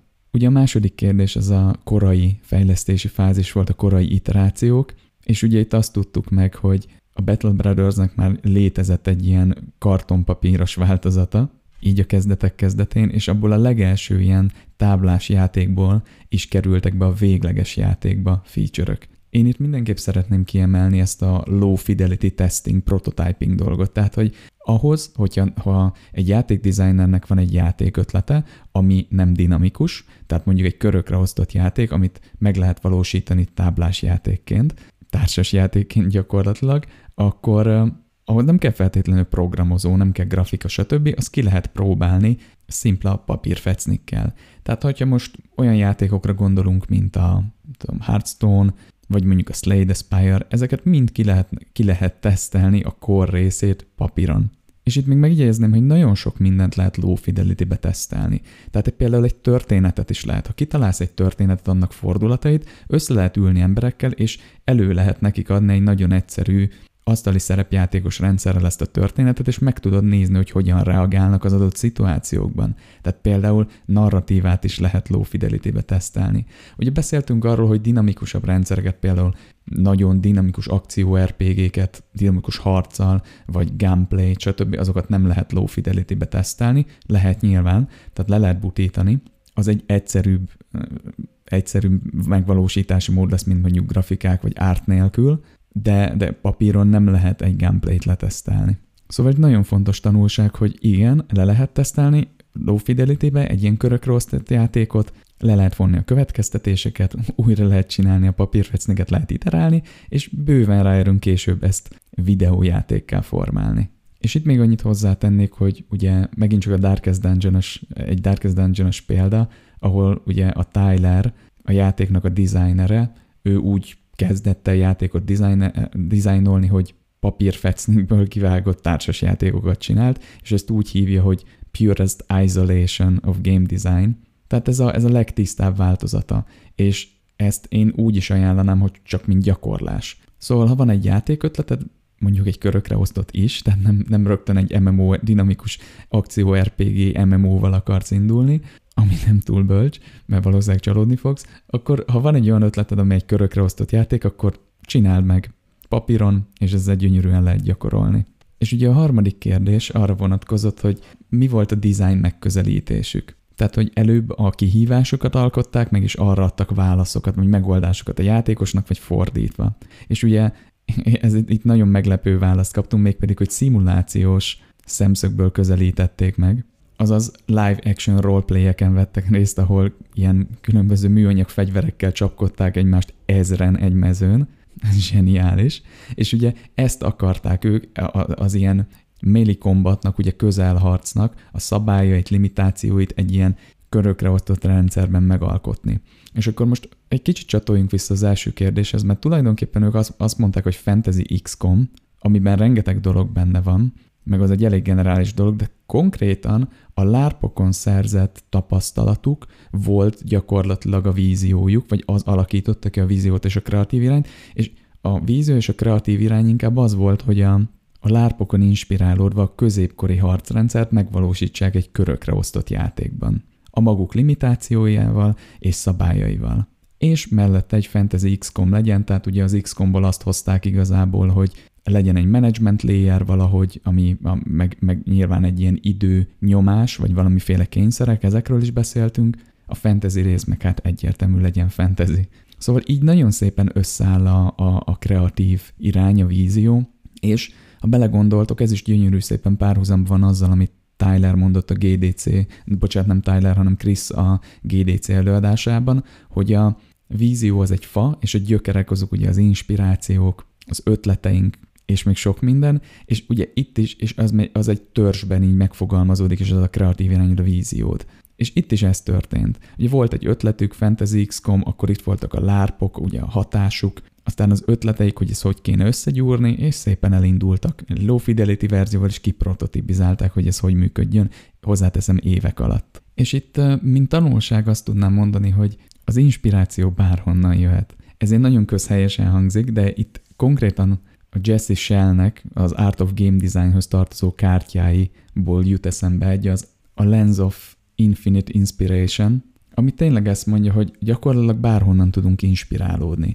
Tehát, hogy a designban sokszor nagyon beleragadunk az adott feladatban, és ugye ezért kell többi designerrel reviewzni, ezért kell tesztelni, hogy legyen mindig külső szem, külső szakmai szem, de külső tesztelői szem, ugye playtestek, vagy user tesztek, de ugyanakkor azt is megtehetjük, hogy mi magunk távolodunk el a dizájnunktól, felülről ránézünk, meg egy kicsit körbenézünk, hogy honnan tudnánk inspirálódni, mert igenis az inspiráció jöhet bárhonnan. És ez gyönyörű példája a Battle Brothers, hogy ők szerettek volna játékot fejleszteni, és ez, ez volt az, ami megfogta őket, hogy ezt hogyan lehetne egy körökre osztott szabályrendszerben megvalósítani. És ez egy zseniális kihívás. Zseniális kihívás, cél, és végső soron egy zseniális vízió.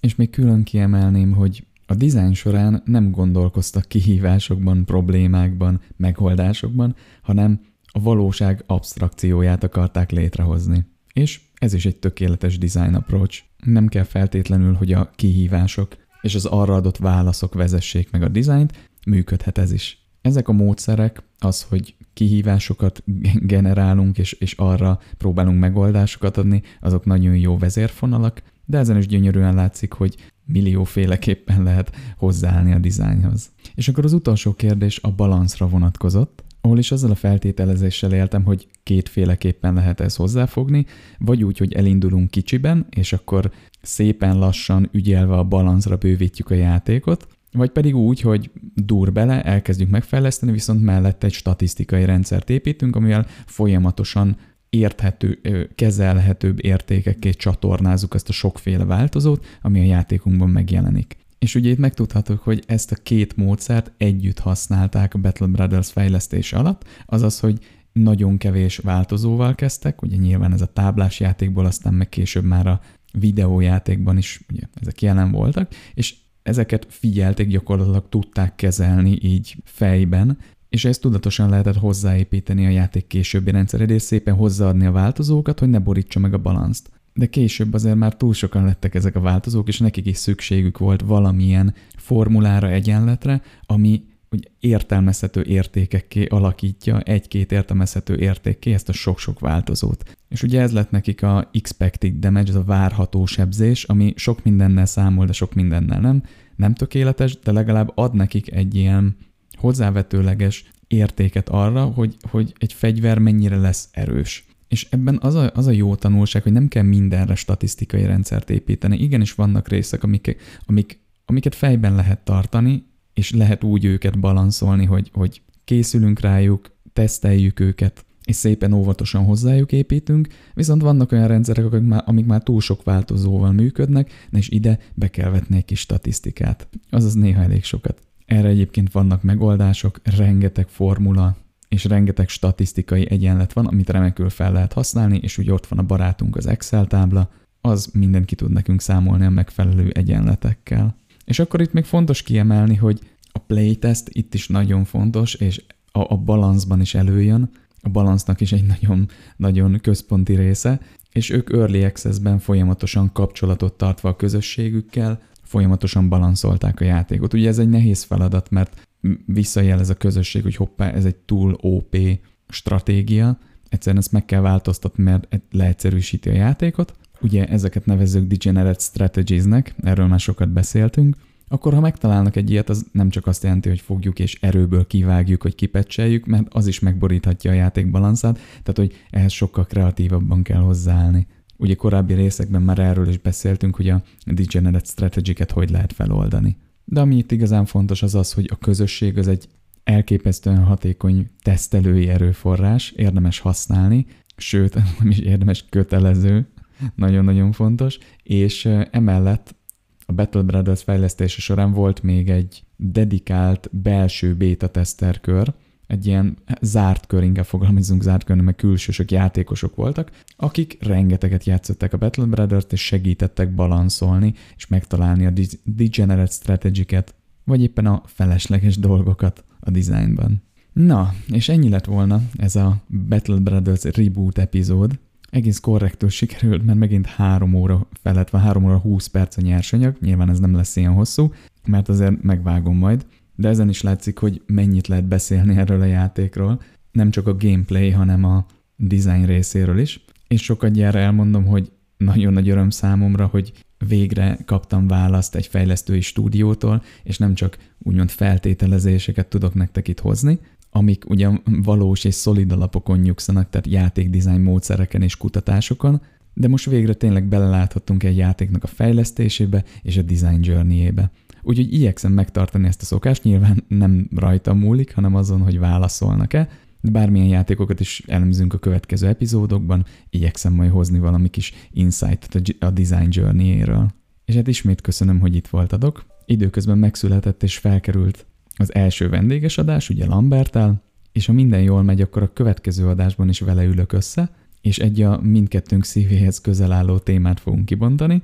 Köszönöm, hogy hallgatjátok a podcastet, tartsátok meg jó szokásotokat, hamarosan ismét találkozunk, sziasztok!